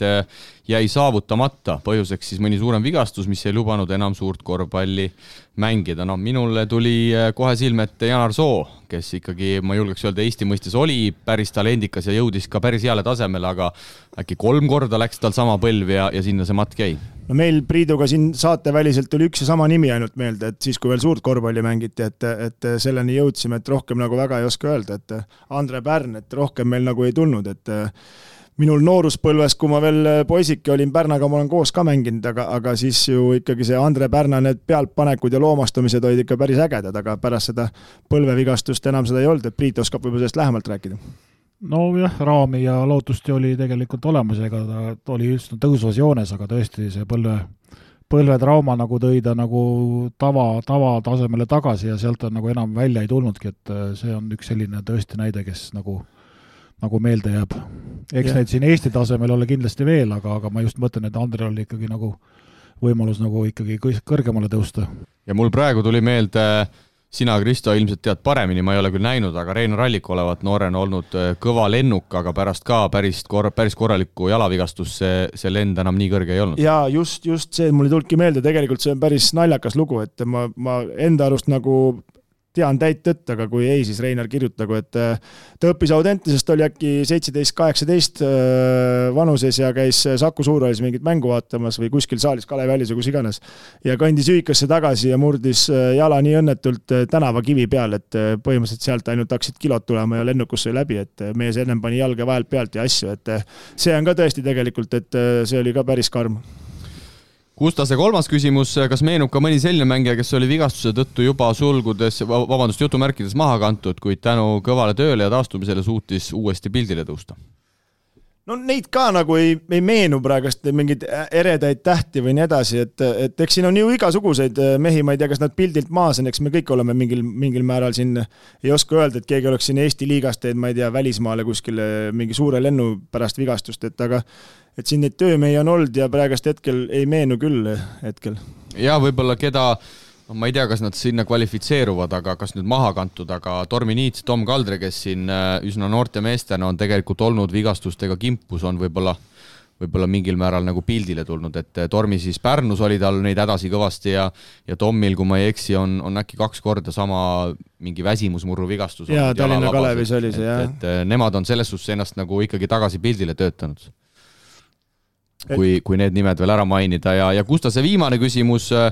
kui mõni mängija saab tõsise vigastuse, mille tulemusel peaks näiteks hooaja vahele jätma, paratamatult kukuvad nad mentaalselt auku. kas suurtes korvpalliorganisatsioonides on palgal eraldi inimesed, kes nendega igapäevaselt tegelevad, taastavad usu ja sütitavad motivatsiooni, et ennast uuesti üles töötada? noh, ma arvan, et tavalised spordipsühholoogid, kes kindlasti suurklubides on olemas no psühholoog on üks asi, teine asi on see, kes temaga igapäevaselt tegelevad, need füsiod ja need, eks neid saab ju palgata ja käivad ju kuskil ekspertide juures ja nad ei peagi nagu klubide juures otseselt olema, et, et sulle antakse kava, sa pead seda jälgima, teed vastavalt sellele, mis, mis hetkel nagu teha saab. Ja, ja pannakse pikem taastusplaan paika ja erinevad vigastused nõuavad erinevaid lähenemisi, et aga aga eks see käib nagu inimese peas ka, ma arvan, samm-sammult, et, et algus on must masendus, siis hakkad vaikselt liikuma, siis hakkad vaikselt jooksma, hakkad hüppama ja tuleb, tuleb nagu tagasi, et, et muidugi on, on ka selliseid olukordi, kus mõni mees ei tulegi nii kõrgel tasemel tagasi ja see on ka üsna loogiline, et kui sul ikkagi mingi põlvehäda kaasa jääb näiteks ja kogu aeg tunda annab, siis sa hakkad ennast nagu teadlikult hoidma ja, ja, ja ei ole päris nii lihtne, aga aga, aga, aga noh, klubides ikkagi neid inimesi, kes mängijatega tegelevad, neid on kindlasti enamus suurtes klubides olemas nojah, suurtes on, et ütleme, võib-olla meil kvalifitseerub ainukesena Kalev Cramo sinna, et teistel klubides, ma ei tea, kuidas Tartus võib-olla on ka seal mingid inimesed, mis Tartus teevad. on ka okei okay,, jah. jah, et mingid inimesed, aga, aga ma ütleks, et teistes klubides ma ei tea nii väga, et muidugi leitakse lahendused ja asjad, aga, aga noh, loodame, et kellelgi niisugust vigastust ei tule, et me peame siin Eesti liigas nüüd mõtlema, et kuidas teda üldiselt ega sa kaotki suhteliselt, kui sa aastaks juba vigast saad, siis tagasi rotatsiooni ja, ja palganumbri peale mängida on päris keeruline ja viimase kolmanda küsimuse saatis tänaseks Janno, tere, tänud heade saadete eest, eriti huvitavad on telesaated, polegi enne nii informatiivseid saateid taustajõududest olnud. mul tekkis dopingusaagadega selline küsimus kui palju korvpallurite seas esineb dopinguga patustamist. Egert Halleril tekkis dopinguga probleem seoses kreemiga eelmisel kuul. kas nii keerulises mängus nagu korvpall üldse on mingist dopingust kasu? No tuleme tagantpoolt ettepoole, et oleneb, millist dopingut sa võtad, aga need, mis annavad ikkagi sulle võimu juurde, kindlasti on kasu, et, et ega ega noh, mingi mõni, mõnikord vaatad, et mõned mehed ju kuskil näiteks NBA-s, kui, kui kiiresti nad nagu kuidas kael kasvab, ütleme, no siis äh, on väga raske arvata, et, et see puhtalt ainult äh, manapudru pealt tuleb. no vot, mul jah, see küsimus ongi, et siin Eestis võib-olla selle koha pealt on ainult see Seidaks või kes seal Raplas oli nende kasvuhormoonidega, et äh, ise muidugi suur keemik ei ole, et teaks, mis sellest kasu on, aga, aga, aga, aga Raido Roosiga oli mul niisugune jutuajamine lihtsalt seal, kui ta oli Tallinna Kalevi treener, et ta ütles, et äh, miks, mis sa arvad, miks Westbrook ei, USA koondist ei, ei, ei nagu esinda, sellepärast et vaat seal on mingid teised dopingureeglid, mis Euroopas nagu ei toimi, noh. ja ütles, et no see ei ole võimalik, üks mees kaheksakümmend kaks mängu järjest niimoodi plahvatab ilma mingite aineteta, et noh, võta sa kinni, kas see tõsi või vale. ja kui Kristo juba, juba mängu tõi, siis jah, kaks tuhat neliteist aasta äh, aasta hooajal siis tänaseks, kusjuures siit ilmast lahkunud Krister Seidaks siis äh, jäi vahele Eesti liigas Raplat esindades anaboolse steroidi tarvitamisega ja kaks tuhat kaheksateist, neli aastat hiljem siis Seidaks hukkus Ameerikas toimunud autoavariis ja, ja tollel hooajal viisteist punkti, kaheksa koma viis lauda, üks koma kaheksa viskeblokeeringut ja, ja tegu oli tegelikult päris äh, potentsiaalse mängumehega. kahe tuhande seitsmendal aastal U kaheksateist Euroopa meistrivõistlustel kuulus ta siis sellesse pronksi meeskonda, kus mängisid veel näiteks Jaanis Trelnik, Stairis Bertants, Jaanis Kaufmannis ja ja Lauris äh, Plaus, aga ma mäletan küll, ise, ise olin siis TTÜ-s ja, ja kohati küll Seidaks pakkus selliseid pealtpanekuid, et sel hetkel küll ei mõelnud selle peale, et mees võiks olla dopingut tarvitanud, aga aga tagantjärele, kui see uudis välja tuli, siis ma hakkasin küll mõtlema, et ilmselt ilmselt seal mingid asjad sealt olid sealt oli jaa, üsna lihtne seda pilti nagu kokku viia. sest sealt tuli ikka päris robustseid pealtpanekuid, mida igapäevaselt üsna monster nägi nagu välja jah, et aga tuli, tuli hiljem välja, et see päris nagu jah, ka ma ütlesin ka, et mannapudru pealt ei tulnud. jaa, et äh, ei tea, pole, pole kunagi niisuguste asjadega kokku puutunud, et ma arvan, et siin äh, noh, Euroopas, eks kindlasti kuskil vaata see Juri Zumbrasko ju samamoodi ju CSKA-s olles sai keelu dopingu kasutamise eest, et pidi kaks aastat vahele jätma, ta mingi seal, mingi aja seal CSKA-s oli ja ja siis ta muidugi väitis, et doktor andis talle mingeid tablette, mida ta ise ei teadnud ja sõi, aga ta sai kaheaastase keelu. et noh, mine sa tea, eks võib-olla kõrgemal tasemel see käib, aga no ma arvan, siin pigem siin Eesti liiga ja Läti liiga kontekstis noh, pigem on rohkem nende mõnuainete ja kreemidega probleeme. no sel ajal, kui ma Leedus olin, siis ei ta-, Dainus Schallenga jäi ka vahele, aga seal oli, juhtus niisugune asi, et esimesest jaanuarist äh, mingi tablett kukkus, mis enne oli üld, üldkasutatav nii-öelda toidulisand, kukkus dopingu, dopingu nimekirja, ütleme noh, ja ka samasmoodi teadmatusest, et täpselt sama purk, täpselt sama tablette võttis kogu aeg, ainult ühel päeval lihtsalt see hakkas nagu, nagu, nagu teistpidi teise, teise nimekirja läks, ütleme ja ütleme, läks rohelise poole pealt punase just, poole peale üle ja, ja see magati kuskil, kuskil nagu maha, et, et, et see nagu noh, väidetavalt ei olnud ka nii, nii teadlik värk, aga tegelikult võtame siin paar viimast aastat, ega me ei ole Euroopast väga palju lugenud, et keegi oleks nagu otseselt vahele jäänud ega ei ole jah, et siin äh, ongi, et siin võib-olla see, eks see klubide töö ongi see, et nende dopingu nii-öelda nende nimekirjadega kursis olla ja, ja teavitada klubi, et minu arust seda tööd nagu tehakse suhteliselt või ongi olematu, et ma noh, näiteks ma ise ei tea, mis ained seal on üldse või mis värk on, et samamoodi nagu sa ütled, noh, või võtame Norra suusatajad, neil on ju huulepulk, vaata, mis järsku läks valele poole, noh no sa ei tohi ise, ise, iseseisvalt nagu midagi nagu sisse süüa, et, et kui sa ikkagi oma, oma klubi füsio või doktoriga nagu kooskõlastad, siis see nimekiri on ikkagi nendel nagu olemas ja nad annavad sulle õigeid asju, nii et pole mõtet nagu kõrvalt äh, juurde ampsata. ja varasematest aastatest siis äh, siin kohalikus liigas meenub äh, Robert Stumbris, kes siis Tarvast esindades jäi kaks tuhat neliteist vahele top, vabandust, kanepi tarvitamisega noh, pigem ja, see probleem on. rohkem ei olegi, ei meenu ausalt öeldes. noh, kanep muidugi, ma ei tea, ei ole sellega nagu kokkupuudet, et kas see nagu teeb sult parema korvpalluri, ma ei usu, et see on lihtsalt, lihtsalt nagu. see on pigem ehk mingi sõltuvus ikka. jah, jah, et see on nagu see ka seal ainete nimekirjas, mis ei käi tava, tavakorra reeglitega nii ühesõnaga käsikäes, et aga jah, eks neid, neid ikka tuleb.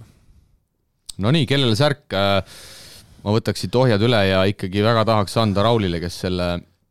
kes pani koosseisu kokku panema jälle